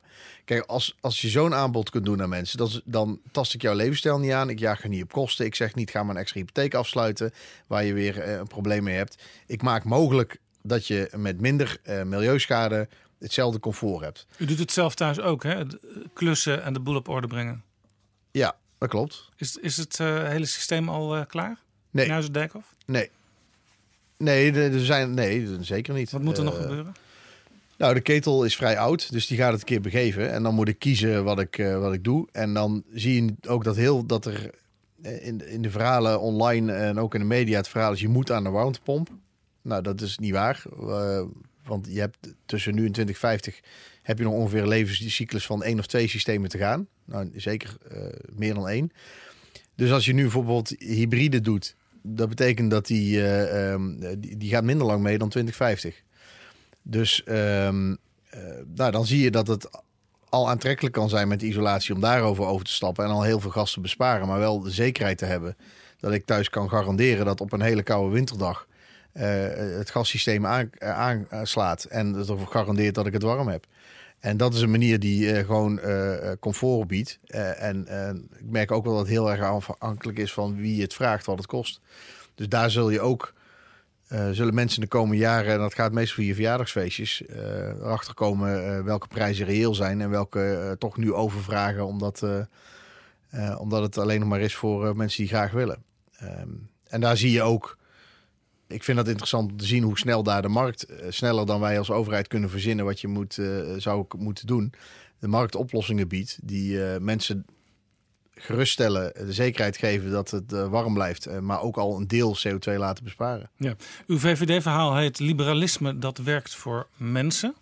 U, u praat met leden, u praat met kiezers, u doet ook soms focusonderzoek. Wat voor idee hebben mensen dan nu waar de VVD voor werkt? Nou ja, eh, wat, ik, wat je veel terug hoort is natuurlijk dat eh, de kanten die je nog niet hebt geleverd, of niet hebt kunnen leveren, of die tegenvallen. Ik bedoel, dat is sowieso in de politiek. eh, ja, maar ik bedoel eigenlijk, mm, blijkbaar werkt het, hebben mensen het gevoel dat het niet voor hun werkt. Nou, die titel is niet zozeer. Dat, die titel slaat meer op kies je voor doel of middel. En heel veel mensen hebben het idee dat het wel werkt. Sommige mensen hebben het idee dat het voor hen te weinig werkt. Hè. De middeninkomens heb ik het al eerder over gehad. Maar een ander voorbeeld is, integratie. Daar, daar is het proces en het model eigenlijk heel liberaal vormgegeven. Je komt als, eh, als vluchteling uit een ander land. We geven jou de verantwoordelijkheid om in te burgeren. Dat gaat via bedrijven die jou een aanbod doen. En doe je dat niet, eh, kom je niet opdagen, dan krijg je op een gegeven moment eh, ben je gezakt. En dan moet je die kosten van die opleiding, die moet je dan zelf betalen. Dat is op zich een heel liberaal principe. Alleen ja, als je de taal niet spreekt en niet naar je taalkursus gaat en uiteindelijk een schuld overhoudt, maar nog steeds de taal niet spreekt waardoor je geen werk hebt, ja, dan zul je die, die, die, die boete, die zal dan via de schuldsanering ook uiteindelijk van de samenleving komen. Ja, dus hier moet toch... Dan moet je mensen ja, meer bij de hand nemen. Noem het de overheid, de, me- de mensen inderdaad iets meer bij de hand nemen. Ja, en, afdwingen, eh, afdwingen klinkt zo naar. eh, maar ik denk dat het voor mensen heel prettig is als ze. ik denk voor, voor ons prettig is als we afdwingen dat mensen Nederlands leren. En voor de mensen zelf eh, uiteindelijk ook prettig is als je eh, in een land komt waar je de taal niet spreekt, dat, dat, wij, dat je zo snel mogelijk die wel spreekt. Nog even over dat liberalisme dat werkt voor mensen. Want wat, is het ook niet zo dat u af wil van het beeld wat mensen blijkbaar hebben, dat de VVD er ook heel erg is voor het grote bedrijfsleven? Ja, dat is dubbel. Eh, In die zin dat ik, ik, wil dat mensen snappen dat het een middel is. Ik, ik werk niet voor grote bedrijven. Maar ik ga ook niet zeggen dat grote bedrijven slecht zijn. Er zijn prachtige grote bedrijven die eh, vooral in hun eigen omgeving. eh, nou, ik, ik ben, al- eh, mijn familie komt uit Eindhoven. Nou, ik, het zou best raar zijn als je daar opgegroeid bent en zegt dat grote bedrijven niet deugen. Als, als Philips daar niet gedaan had wat ze altijd hebben gedaan, dan nou, was het Eindhoven was sowieso ooit een dorp. Ja, en nu heel veel high-tech bedrijven En die Eindhoven allemaal nog de erfenis. Ook, ook omdat er wel eens narigheid is. Hè. Al die grote bedrijven, uiteindelijk gaan ze allemaal een keer weg. Moet je jezelf nu uitvinden. Dus de mentaliteit van de mensen die er werken... en hoe overheid, bedrijfsleven en samenleving... daar samen iedere keer zich weer herpakken en de schouders eronder zetten... eh, is ook van belang. Maar eh, VDL is ook een groot bedrijf. Van En, de leegte. eh, ja, die gaan daar goed De mee om met hun verantwoordelijkheid. Die investeren ook in hun mensen. Die eh, doen ook in mijn ogen een, een loonbod wat, wat, wat goed is. Die halen productie hier naartoe voor banen. Die zijn niet alleen maar aan het kijken naar de, naar de kortste, snelste winst voor alleen maar aandeelhouders. ASML samen met VDL, ook Jumbo in die regio. Het zijn allemaal behoorlijk grote bedrijven, variërend. Die, die, die sponsoren nu zelfs mijn favoriete voetbalclub zonder dat hun eigen naam erop staat. Omdat ze in weten dat het voor hen als groot bedrijf verstandig is als er een vruchtbare economie is, ook voor MKB Wat- wat is en de iedereen. club? PSV. Eh, dus dat is niet Breda. eh, nee, ik kom uit Eindhoven en van Clubwissel. Je woont in Breda. Ja, ik gun die ook het beste. En het kampioenschap van de keukenkampioen-divisie zou ook welkom Dus zijn voor NAC. Alleen, NAC tegen PSV, dan juicht u voor PSV. ja, maar dat weet iedereen in Breda. Ehm, Dat u toch nog zo ver gekomen bent in de politiek. Nou, als je er eerlijk over bent, dat is denk ik een stuk geloofwaardiger dan wanneer je net doet eh, alsof. Ehm, maar goed, dus, dus wat, ik, wat ik zei, daar zie je dat, dat ook grote bedrijven hun verantwoordelijkheid nemen. Snappen dat meer winst ook eh, betekent dat je goed voor je personeel moet zorgen in loon, in, op, in opleidingen. Zodat mensen die voor jou werken eh, zichzelf ontwikkelen en misschien een keer ergens anders gaan werken. Maar dat dat uiteindelijk ook allemaal, allemaal het beste is voor jouw bedrijf. Investeren in die regio. Ehm, dat zijn grote bedrijven waarvan ik zeg, nou, fantastisch. Dus daar ben ik nog steeds heel erg voor. Omdat het een middel is voor een, een, een, samenleving met hoge welvaart. Waar we dus goede zorg van kunnen betalen. Veiligheid, onderwijs. Moet wel ergens verdiend worden. Ja, en dus ook de bedrijven moeten ook gewoon goed belasting betalen. En natuurlijk, je moet wel je fair share terugbetalen aan de samenleving. En die voorbeelden die ik, niet net, die ik net noem, dat zijn voorbeelden van grote bedrijven die, grote bedrijven die daar een compliment voor verdienen. Aan de andere kant zijn er ontwikkelingen dat er grote techreuzen zijn. Of neem, eh, nou, AliExpress is ook een vrij groot bedrijf. Of, of een verzameling van een platform. Ehm, ja, daar heb ik wel moeite mee. Omdat die natuurlijk zoeken naar manieren om rechtstreeks eh, online. eh, Dat is op zich fantastisch. Veel Nederlanders kopen er ook. Maar je omzeilt wel een hoop. Ja. Ik kan geen producteis kan ik niet checken voor je. Ik weet niet of het veilig is. Het is niet dat er één container binnenkomt waar allemaal hetzelfde in zit. Zoals vroeger. En dan kun je een steekproef nemen. Komt nu één zo'n container aan. Nou, of, ze, of ze spoelen aan.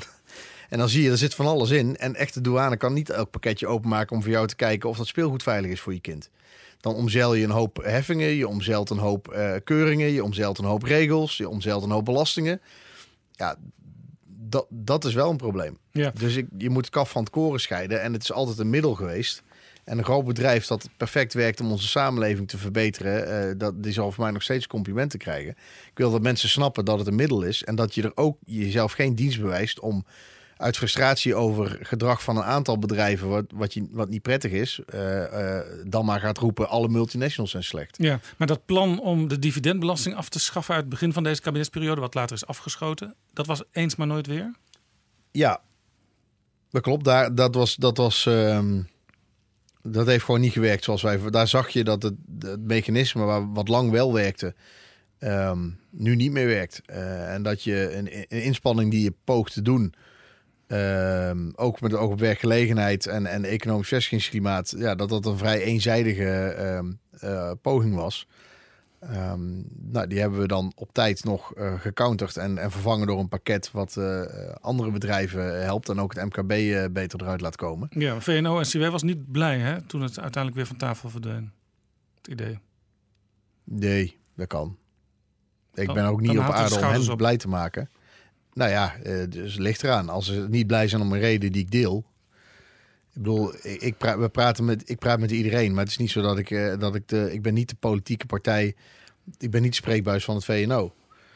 Ehm, en eh, het moet wel werken wat er voorgesteld wordt. En ik denk dat het alternatieve pakket... dat zij daar ook mee kunnen leven. En dat ook MKB daar dan weer wel eh, enthousiast over was.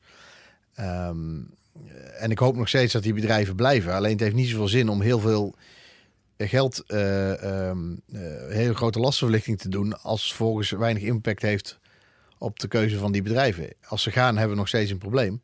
Alleen als een maatregel niet helpt om, om, eh, om de samenleving te dienen, moet je hem niet nemen. Ja, in uw stuk en ook in een Telegraaf-interview ehm, uit uw twijfels over artikel 23, de onderwijsvrijheid. Eh Gert-Jan Segers die was daar niet blij mee. Inmiddels bent u met hem in gesprek. Wat heeft u in de afgelopen tijd al van hem kunnen leren op dit terrein? Nou, leren. Kijk, ehm, ik heb in het artikel gezegd dat artikel 23 te vaak als blokkade wordt ingediend om maatregelen te treffen die gewoon nodig zijn voor onze kinderen. Ik heb geen probleem met de letterlijke tekst van artikel 23 in de grondwet. Andere vraag zou zijn, zou ik het als liberaal morgen verzinnen? Maar ik, ik ben niet zo'n eh, eh, eh, iemand die, die denkt dat je de samenleving eerst op nul moet zetten en afbreken en dan opnieuw op nee, er zit natuurlijk ook een hele politieke historie achter. Hè? Ja, nou, maar politiek historie ook. Maar die is, vind ik nog tot daar aan toe. Ik vind eerlijk gezegd gewoon de praktijk. Heel veel kinderen gaan naar scholen, naar bijzonder onderwijs. Een deel daarvan is religieus geïnspireerd bijzonder onderwijs. Daar, met die scholen zijn meestal geen problemen. Dus waarom zou je dan En als geen hoge hoef niks op te lossen? Vaak van hoge kwaliteit, klopt. Is ook heel veel bijzonder onderwijs dat niks met religie te maken heeft. Ehm, eh, alleen je, wa- wat ik vind is dat je die scholen wel eh, eh, in burgerschap, in vrije waarde, in gelijkwaardigheid, in gelijke behandeling van jongens en meisjes, in respect voor de democratie, respect voor de rechtsstaat, dat moet daar leidend zijn. Als dat niet zo is, wil ik niet horen dat artikel 23 een probleem is. Nee. De letterlijke tekst is voor mij geen probleem om, om in te kunnen grijpen. Ehm, en ik, heb, eh, ik, ga, ik wil ook niet een problemen die niet bestaan in één keer oplossen. Eh, dat zou raar zijn. Alleen ik wil wel bij zo'n school als het Haga Lyceum kunnen ingrijpen. En ik wil meer kunnen doen dan alleen maar naar CITO-scores kijken en zeggen de kwaliteit van het onderwijs is goed. Je kunt heel goed leren, leren rekenen en heel goed de taal beheersen en toch onderwezen zijn en geïndoctrineerd zijn met ideeën die totaal de gelijkwaardigheid of respect voor homoseksuelen niet bijbrengt, om maar iets te noemen. Eh, dan heb ik het nog steeds een probleem met je. En dan wil ik het aan kunnen pakken zonder te horen dat ik daarmee artikel 23 eh, in het geding zet. Maar Dus- je kunt toch ook, en dat heeft waarschijnlijk Gert-Jan Segers u ook wel verteld, via de gewone wet, de Nou, onderwijsvoorwaarden maar dat is wat ik, zelf, wat ik zelf ook heb gezegd. Mijn verhaal was alleen dat als ik in de gewone wetten aanpassingen wil doen en anderen gaan zeggen de interpretatie van artikel 23 is zo dat dat niet kan, ja, dan ga je op een gegeven moment artikel 23 in gevaar brengen. Dus het was meer een soort oproep van laten we nu samen proberen dit te fixen. Dat, zo stond het ook in het interview. Als partijen huiverig blijven om de problemen aan te pakken, omdat ze bang zijn dat dat iets zegt over interpretatie van artikel 23, ja, dan ga je vanzelf dat artikel op zichzelf in, de, eh, in discussie stellen. Dus ik wil graag oplossingen, en daar denk ik, daar kunnen we ook samen aan werken, eh, die scholen waar een probleem is, dat ik daar kan ingrijpen. Eerder, sneller, eh, dieper kan controleren wat ze daar onderwijzen. Ook wat ze in de, in de buitenuurtjes doen. Niet alleen het lesprogramma, maar ook wat daar de cultuur is. Welke normen en waarden er worden bijgebracht. En als ik daar een probleem mee heb, dat ik dan kan ingrijpen. Dat betekent dat, dat het gros van de scholen die op, eh, op bijzonder onderwijs gefinancierd zijn, geen probleem zullen hebben. Ehm, als we daaruit komen, dan is mijn doel eh, bereikt.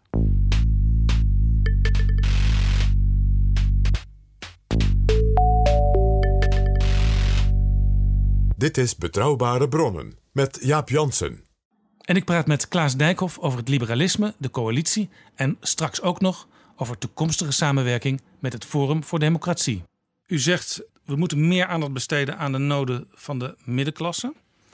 Er zijn ook mensen die in kritiek op uw verhaal hebben gezegd: ja, dat is dus eigenlijk een soort, soort electoraal verhaal wat eh Dijkhoff probeert via de inhoud in te vullen. U, u zult dat natuurlijk ontkennen, want u zegt ik maak gewoon analyse en ik zie er is iets met de middenklasse aan de hand, daar moeten we wat aan doen. Eh, toch zien we tegelijkertijd, als we naar het politieke landschap kijken, dat eh, die middenklasse ook gevoelig blijkt voor de lokroep van Thierry Baudet. Maar ik, ik denk, natuurlijk, het is electoraal in die zin dat, dat ik vind dat je als partij de, moet nadenken wat de meest effectieve en bij je principes passende oplossingen zijn voor de problemen in de samenleving. En eh, dat ik ook nog steeds ehm, idealistisch genoeg ben om te denken dat kiezers dat dan waarderen. Maar het is iets anders dan dat je electoraal zegt: laten we eens kijken wat mensen willen horen en dat dan maar gaan vinden. Maar als een, als een als middenpartijen met genuanceerde standpunten en bereidheid tot samenwerking problemen niet oplossen. Ja, tuurlijk ga je dan ook zijn maar op partijen. En dan noem ik even eh, Baudet, vind ik even buiten haken, omdat ik nog, je nog steeds niet kunt. Die hebben nog steeds niet uitgekristalliseerd hoe, wat ze, wie ze precies zijn. Dus het kan, er zijn mensen in die partij die gewoon een constructieve samenwerkende partij op de inhoud willen zijn. Eh, en er zijn mensen die vooral zichzelf graag horen praten. Ja, en die laatste is Thierry Baudet onder andere. Ja, nou hoor ik mezelf ook best graag pra- praten hoor. Daar gaat het niet om. Alleen ehm, eh, iets minder lang meestal.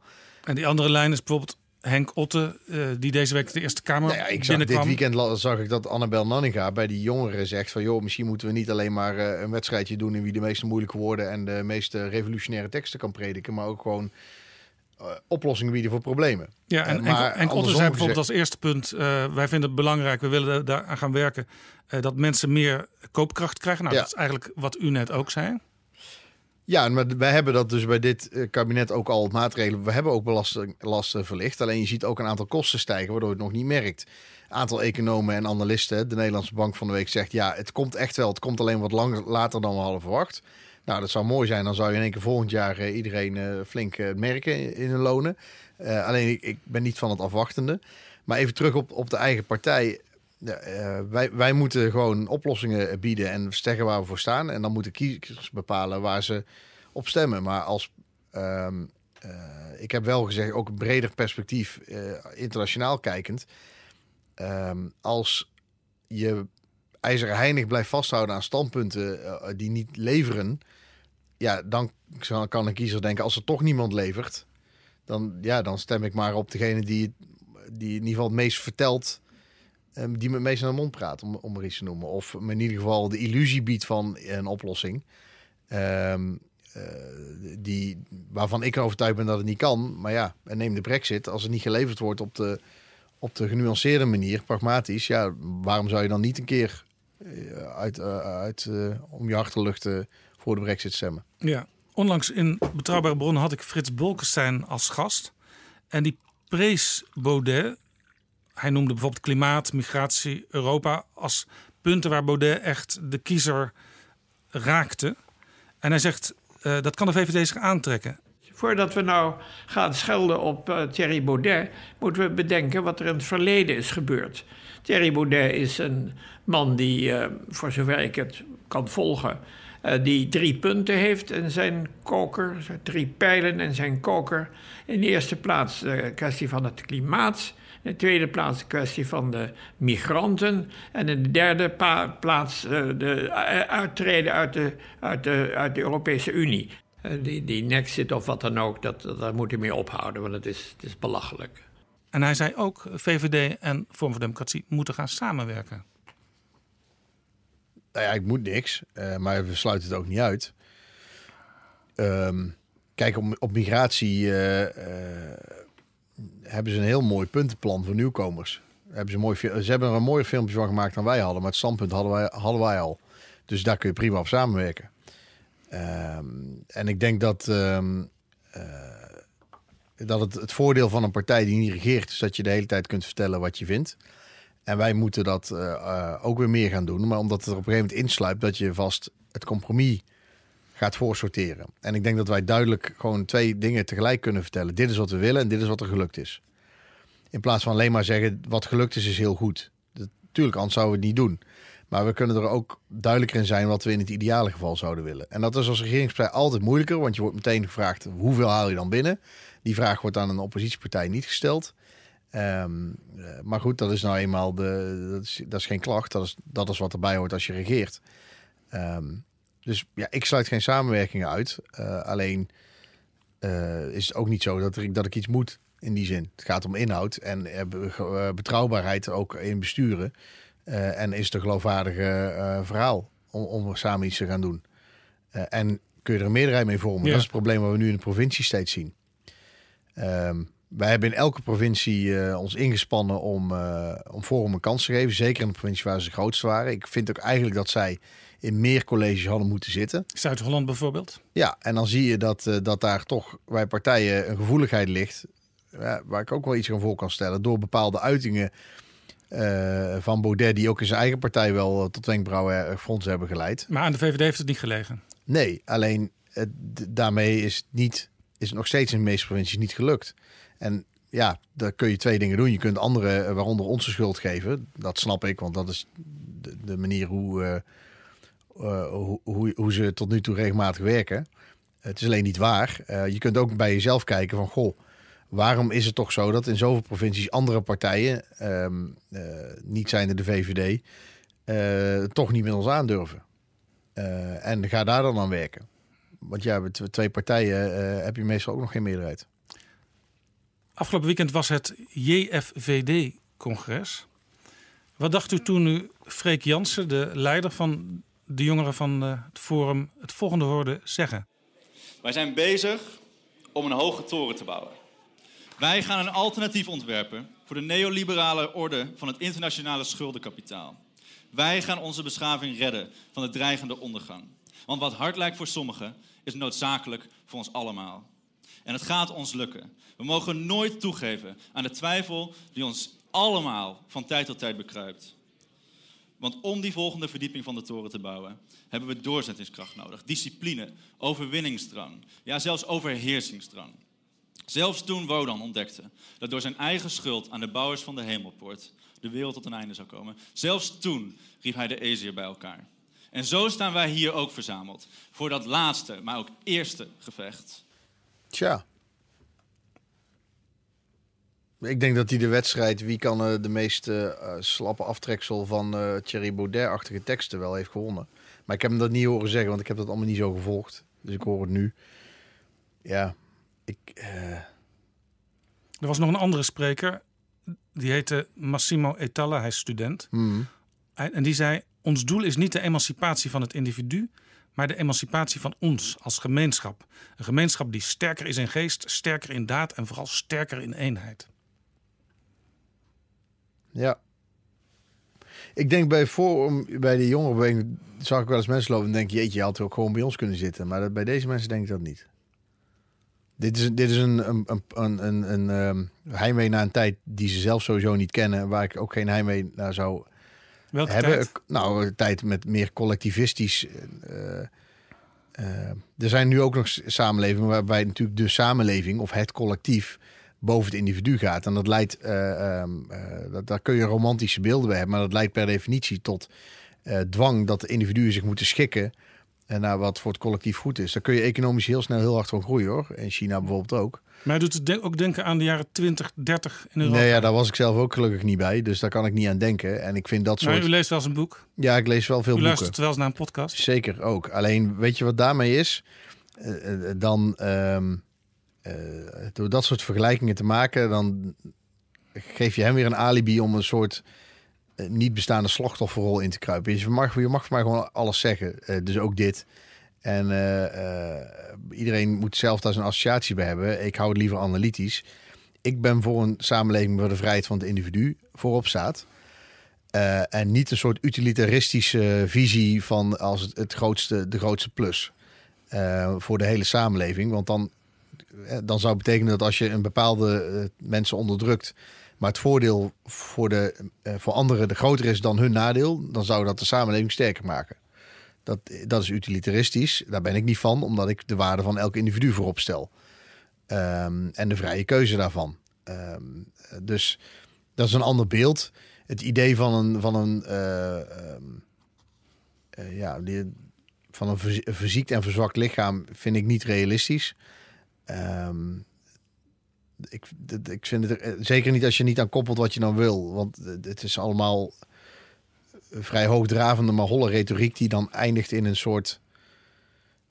Ja, ik weet niet waar het in, precies in eindigt. Ehm, en het is ook eh, je afleggen van je eigen persoonlijke verantwoordelijkheid naar iets van een eh, collectief eh, ideaal. Eh, proberen ze zelf, eh, eh, probeer dan te werken aan, aan, aan zelfontwikkeling. Ja, Dus het zijn teksten waar ik, waar ik niet zoveel mee, mee heb. En ik ook denk dat ze een beperkt aantal mensen maar aanspreekt. In de campagne voor de Europese verkiezingen kwam uw partij met een aantal filmpjes waarin dit soort teksten van het Forum voor Democratie, eh, eh, ja, daar werden kiezers eigenlijk aan herinnerd. Mhm. Was dat vanuit het idee dat kiezers nog te weinig door hadden waar die partij voor staat?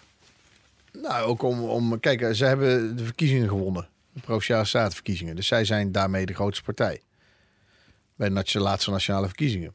Eh, en dan vind ik ook dat je... eh, nou, we hebben lang gedacht van... Nou ja, mensen weten wel, prikken er wel doorheen. Of, en ze hebben ook gewoon legitieme goede standpunten. Hè. Ik zet ze niet al, uh, al mas weg. Alleen er zitten ook rare kantjes aan.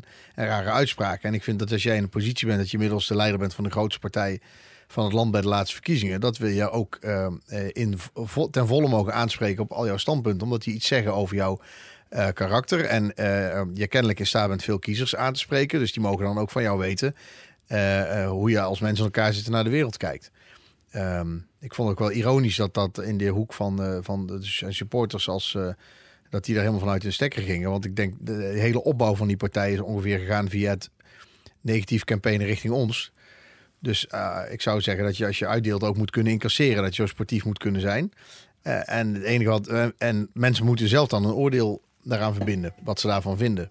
Uh, van, die, van bepaalde uitspraken. Maar ehm, het zegt iets over hoe je naar de samenleving kijkt. En ja, dat als je een grotere partij wordt, dan is het ook logischer dat je daar kritischer op bevraagd wordt.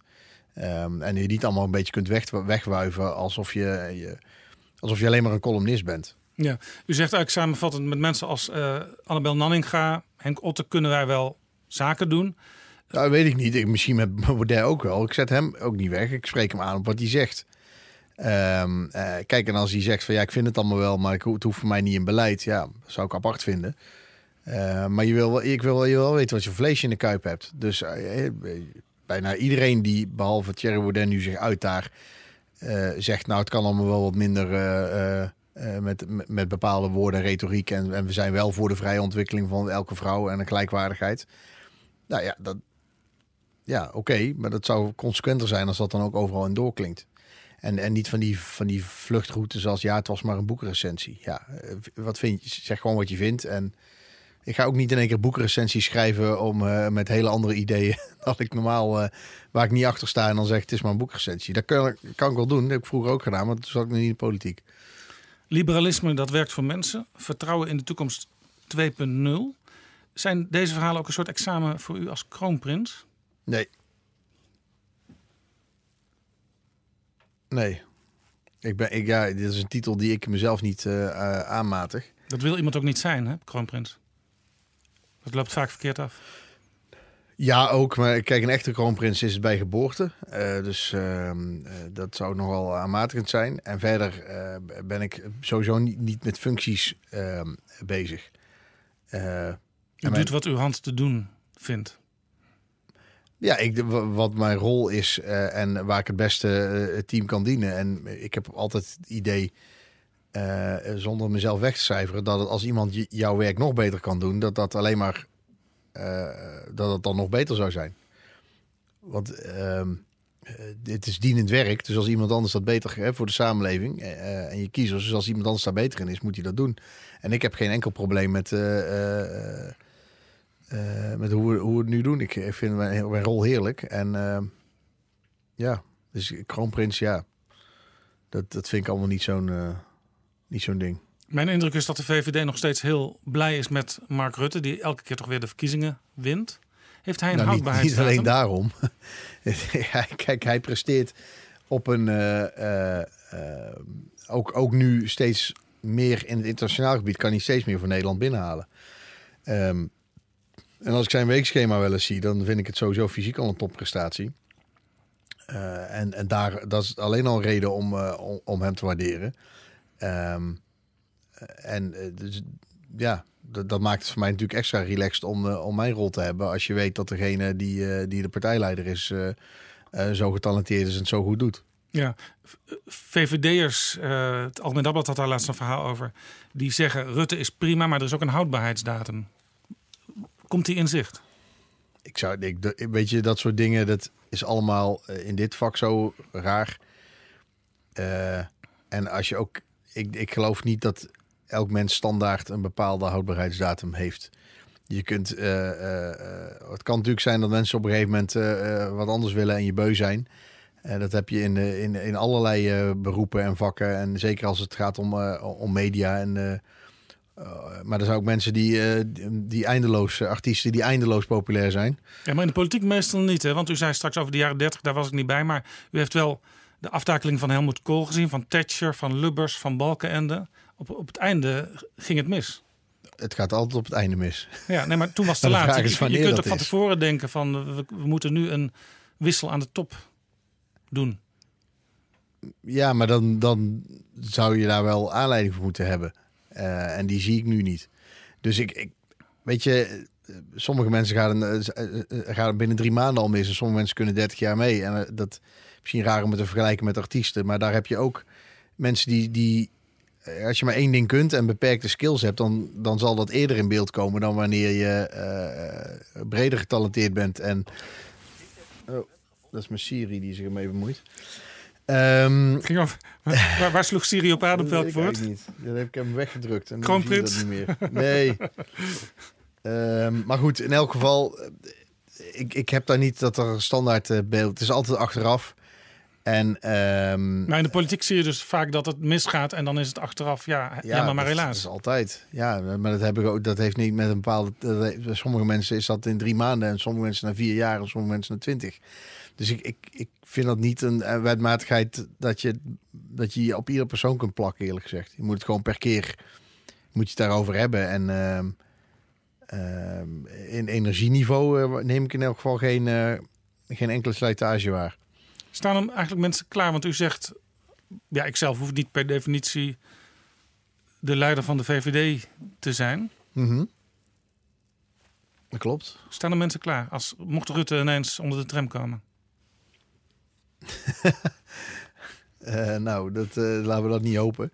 Ja, weet je, de, de, de- zoiets moet je dan oplossen. Maar het is niet dat, ik, dat je nu... ehm, eh, en dan moet je ook naar de omstandigheden kijken eh, wat het beste is. Je moet dat niet dicht willen tikken. En, ehm, want dan ga, dan ga je ook jezelf eh, je als partij fixeren op iets wat... eh, of blind staren op iets. Terwijl je ehm, volgens mij altijd op dat moment moet kijken wat het beste is. En, niet, en wel op voorbereid moet zijn, maar niet moet dichttikken.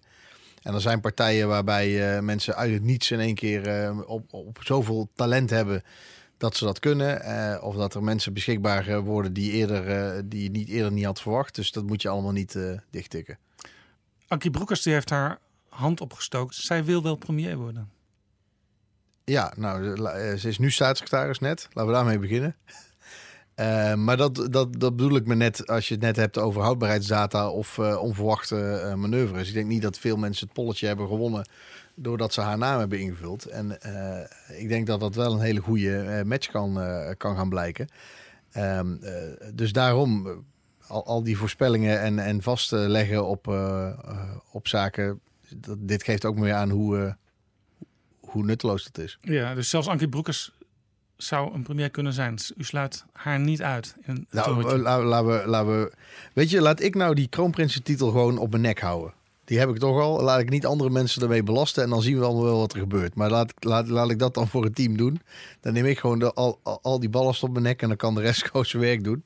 En dan gaan we niet nog meer mensen dat, eh, dat in hun nek leggen. Dat lijkt mij het verstandigst. Ankie Broekers die zit nu eigenlijk op de stoel waar u een aantal jaar geleden zat. Dat staatssecretariaat. Heeft u haar nog specifieke tips gegeven van let hierop? Nou, we hebben het er wel over gehad en, eh, en dat zullen we vast nog wel, wel een keer hebben. Ehm, eh, dus, dus ja, dat heb ik wel met haar gedeeld. Eh, en, en dat zal ook ongetwijfeld met vele anderen gesproken hebben. En uiteindelijk moet je toch je eigen weg daarin eh, vinden. Dus ik ga dan niet vertellen, je moet dit of je moet dat. Eh, maar je hebt natuurlijk wel een aantal eh, ja, langslepende hoofdpijndossiers waar je, eh, waar je het even over hebt. Ehm, en verder kun je er altijd nog over sparren. Ja, het idee over dat ministerie is breed dat het een heel taai en lastig ministerie is. En dat het de vraag is of het eigenlijk wel op het juiste spoor kan komen. Ja, kijk, wa- wat je daar hebt. Ik heb het toen met, eh, met Art van der Steur samen eh, een beetje uitgeteld zo. En voor de vuist zeg ben je ja, nu met drie mensen, maar toen met tweeën ongeveer verantwoordelijk voor 100.000 mensen die eh, in de uitvoering hun werk doen. En dan doen ze ook nog eens werk wat bloedmoeilijk is. Want als je bij justitie en veiligheid werkt, nou, dat is of eh, met vluchtelingen, of TBS'ers, of eh, gevangenen, of je bent agent op straat, of je moet als OM'er bewijs leveren. Het is allemaal heel erg moeilijk werk. Hè, en reclassering en, en, en, zo nog een hoop. Jeugd, justitiële jeugdzorg valt er ook nog onder. Dus jeugdzorg is al heel ingewikkeld. En dan is de verantwoordelijkheid bij JNV ook nog eens voor de zaken waar justitieel iets mis is gegaan. Die de wet hebben overtreden. Eh, en ik ken niemand die geen fouten maakt op zijn werk. Dus al die honderdduizend ma- mensen maken per jaar fouten. En dat blijft ook zo. En dat, dat zal altijd zo blijven.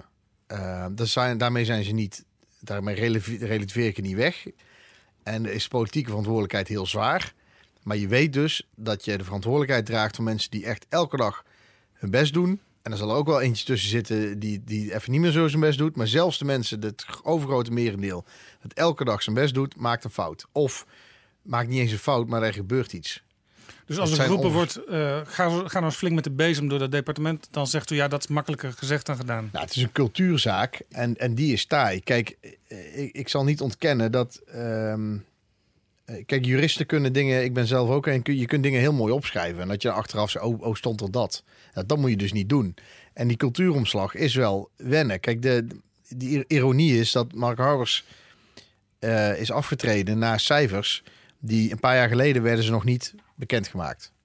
En had je een WOP-verzoek en had je één keer per jaar een soort schokkende journalistieke onthulling. Want er was een WOP-verzoek geweest en die cijfers geef je dan. En dan. Toen dacht ik, waarom maken wij niet jaarlijks die cijfers openbaar?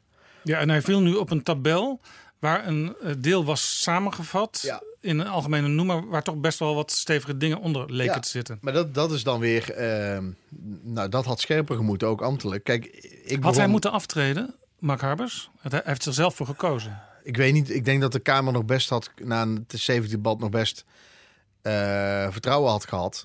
Bijvoorbeeld Alleen- Bram van Ooyek en Joël Voordewind van twee heel verschillende partijen. Ja. Die zeiden, ja, van ons had hij niet weggehoeven. Nee, maar dat, ik vind van hem mooi dat hij heeft bekeken wat hij zelf ervan vond. En inderdaad een vrij strenge maatstaf heeft aangelegd. Daarom vind ik het ook goed dat hij nu terug in de fractie, eh, weer opnieuw in de fractie zit. Zodat iedereen kan zien dat je als verantwoordelijke bewindspersoon.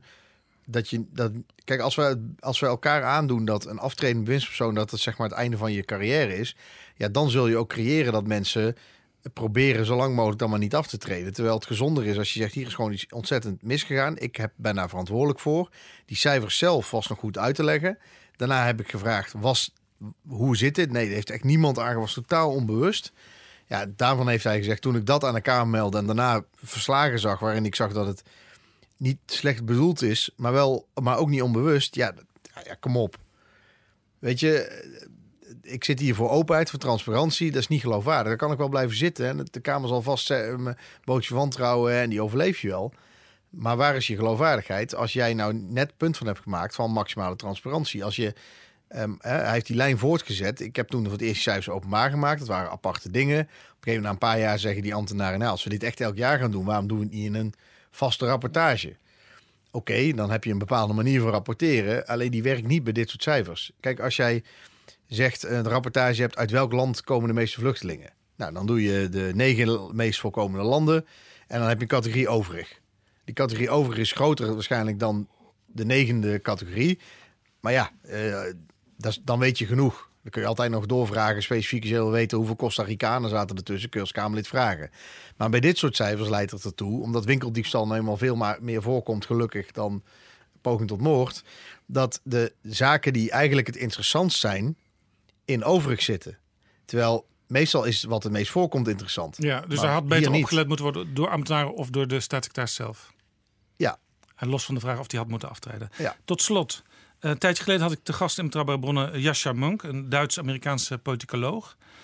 U was heel enthousiast over dat eh, gesprek, liet u mij toen weten. Een van de dingen die hij zei, want we hebben natuurlijk al uitgebreid over inhoud gehad en ook een beetje over de politieke praktijk, maar nog niet over het politieke personeel. Hij zei: eh, de opkomst van het populisme komt ook doordat politici van de bestaande partijen te veel gerecruiteerd worden uit de bubbel. Allemaal ongeveer dezelfde soort opleiding, eh, hetzelfde niveau.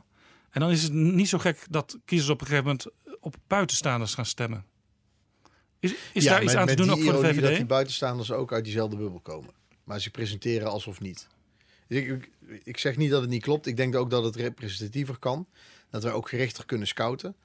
Eh, Maar hij zegt ook bev- maar- bijvoorbeeld, vroeger zat er, zaten er nog, eh, bijvoorbeeld in de VVD, ik vertaal Mhm. het dan even voor hem, had je Broos van Erp, dat was een bakker uit Best. Mhm. Eh, bij andere partijen had je mensen uit eh, de vakbonden die soms zelfs nog, zelf nog aan de lopende band hadden gestaan. Dat zat toen allemaal in de Tweede Kamer en nu eigenlijk niet meer. Nee, dus je kunt daar... Oké, dat kan gericht. Alleen de, de ironie is wel dat, dat de partijen waarvan hij dan zegt dat ze naartoe gaan... die, die bestaan ook niet... eh, eh, ik, ik geloof niet dat Thierry Baudet heel veel aan de lopende band heeft staan. en Geert Wilders is natuurlijk eh, begonnen als beleidsmedewerker... bij een hele mooie politieke En u partij. zegt in feite kwamen die mensen elkaar op de universiteit vroeger ook al tegen. Ja.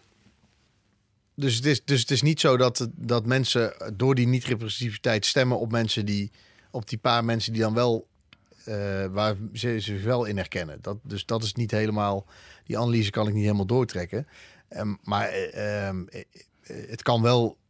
Kijk, ik geloof ook niet in een kamer die één op één een afspiegeling is. Ehm, je hoeft niet zelf een bepaald beroep te hebben gehad om te begrijpen wat daar leeft. Maar je moet wel daarin duiken. Je moet niet alleen maar jouw eigen wereldbeeld tot maatstaf verheffen. Eh, en het is natuurlijk wel zo, dat is een, een onderliggend traject, wat ik wel zelf ook over nadenk en ook meer over gelezen heb. Kijk, als iemand, als jij vijf mensen spreekt met probleem A, en één met probleem B, dan heb je gewoon, dat is menselijk, dan in je hoofd is dat probleem A in één keer is groter. Want dat hoor je vaker. Dus moet je jezelf niet beperken tot het spreken van een beperkt aantal, eh, beperkt type mensen. Want dan lijken hun problemen de grootste problemen die er zijn. Ehm, dus je taak is als volksvertegenwoordiger om zelf te zorgen dat jij breed geïnformeerd bent en dat op te zoeken. En een effect, een middel kan zijn om een diversere samenstelling van je kandidatenlijst te hebben. Daar ben ik het wel mee eens. Ik denk onze senaatslijst, eh, dat zijn mensen die wel die het erbij doen. Maar als je kijkt naar hoe actief daar gescout is door onze partij, ook om in ieder geval te zorgen dat de man-vrouw verdeling goed is en ook daar talent kunnen ontwikkelen, zodat we eh, eh, ook op langere termijn daarin eh, op bijvoorbeeld ons, ons werk goed doen. En ze hoeven Eh, niet allemaal hoogleraar tot in de vierde macht te zijn. Nee, of, of eh, al, al functies te hebben gehad in de politiek. Ehm, eh, dus daar, daar zie ik wel dat, dat we dat actiever zijn gaan doen en vooraf over nagedacht hebben. En dat dat vruchten afwerpt. En dat zullen we ook eh, op andere eh, terreinen eh, eh, moeten doen. U gaat uw visie bespreken op het VVD Festival zaterdag. Bolkestein en Wiegel vinden dat helemaal niks, een festival. Ja, dat, ja, dat kan. Kijk, weet je wat het is? Het is een. Het is een. eh, eh, eh, heel veel mensen vinden het wel wat, want de aanmeldingen die, die zijn een stuk hoger dan bij een gewoon congres. En er is ook nog een congresdeel van het festival. Dus als je Dus amendementen is- wil indienen, dat ja, kan nog steeds. Ja, dat moeten we ook. Dat, dat, dat moet ook gewoon weer, juist weer meer. Want we eerst hadden we congressen, die klonken saai. En dan had je het onderdeel vragen. En dan, nou ja, ook een beetje een soort groepscultuur. Die, waar ik nou actief ook benoem om die te doorbreken. Daar ging iemand een vraag stellen. En nou, dat is allemaal fijn. Dan kreeg je een antwoord. En dan vonden de meesten wel welletjes. En als je dan door wilde vragen, dacht ze: hallo. Na het congres is de borrel, eh, schiet eens op. Als je dat gewoon de hele dag allemaal doorlaat, dan is er dus ook meer ruimte voor het diehard congresdeel. Want iemand die daar even geen zin in heeft, hoeft niet te wachten tot het voorbij is. Die kan ergens anders op een andere manier eh, in contact met, met Kamerleden. Op een, op, een, op een laagdrempeligere manier. Iemand die eh, gewoon ruimte wil hebben voor zijn amendement op het congres, die kan daar ook meer ruimte voor krijgen. Ik ga eh, in vier verschillende sessies eh, de hele dag praten over een discussiestuk. Nou, als we dat plenair op een congres zouden doen, dat is, hallo, bewaar me. En nu kunnen dus mensen verspreiden. Je, kunt, je hebt meer aandacht, want je doet het vier keer. Dus mensen kunnen één keer van de vier komen. Dan hoeven ze de aandacht met minder mensen te delen dan wanneer ik plenair dat twee uur zou doen. Dus ik denk dat als je eh, onder de naam doorkijkt, ziet dat er veel meer ruimte is voor discussie. Op eh, veel meer verschillende vormen en niveaus. Waardoor eh, ehm, de drempel veel lager is om iets te doen. Als jij nog niet een, eh, congresstijger bent met amendementen, kun je op een andere plek gewoon in discussie gaan. En dat er eigenlijk de rijkheid aan ideeën en discussies veel groter zal zijn. Ehm, terwijl als je er even een uurtje geen zin in hebt, je ook eh, iets kunt doen wat, eh, wat verstrooiing biedt en eh, de hele dag door is. En niet een stramien, oké, nu moet jij twee uur luisteren en nu moet je, mag je een kwartier eten. En, eh, ehm, dus ja, noem het een festival. Ja, je had dat ook een andere naam kunnen geven, maar mij bevalt het goed.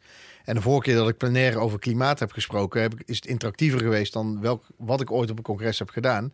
En is er gewoon plenair een discussie ontsponnen tussen de leden ook onderling over klimaatbeleid en wat er wel en niet moet gebeuren. Ehm, dus ik vond het was een inhoudelijkere discussie eh, dan, dan op een congres, eh, maar het heette festival. Nou Met ja. andere woorden, ook nu kunnen Wiegel en Bolkestein hun hart ophalen. Ja, we hebben nu ook de Poelgie Lounge, heet dat. Eh, in navolging van de plek waar wij vaak bijeenkomen met, met ereleden en andere belangrijke prominente leden. Eh, waar we ook zorgen dat je gewoon op een Chesterfield kunt zitten en eh, de wereld bespreken op die manier. Dus we, we proberen iedereen die zich liberaal voelt een manier te bieden om voor hem of haar prettige manier een discussie te openen. Inclusief Bolknak. Eh, Ik denk, vrees dat dat de wet niet meer toestaat, dat we binnen gaan zitten te roken ergens. Dus dat, ik weet niet of we daar, dat, ik vrees dat we dat toch al wel in onze liberale samenleving verloren hebben, dat dat nog binnen mag. Die in de levensstijl is inmiddels wel aangetast. Het mag in je thuis mag dat prima en buiten ook nog, maar in een restaurant eh, eh, niet meer. Klaas Dijkhoff, hartelijk dank voor dit gesprek. Graag gedaan.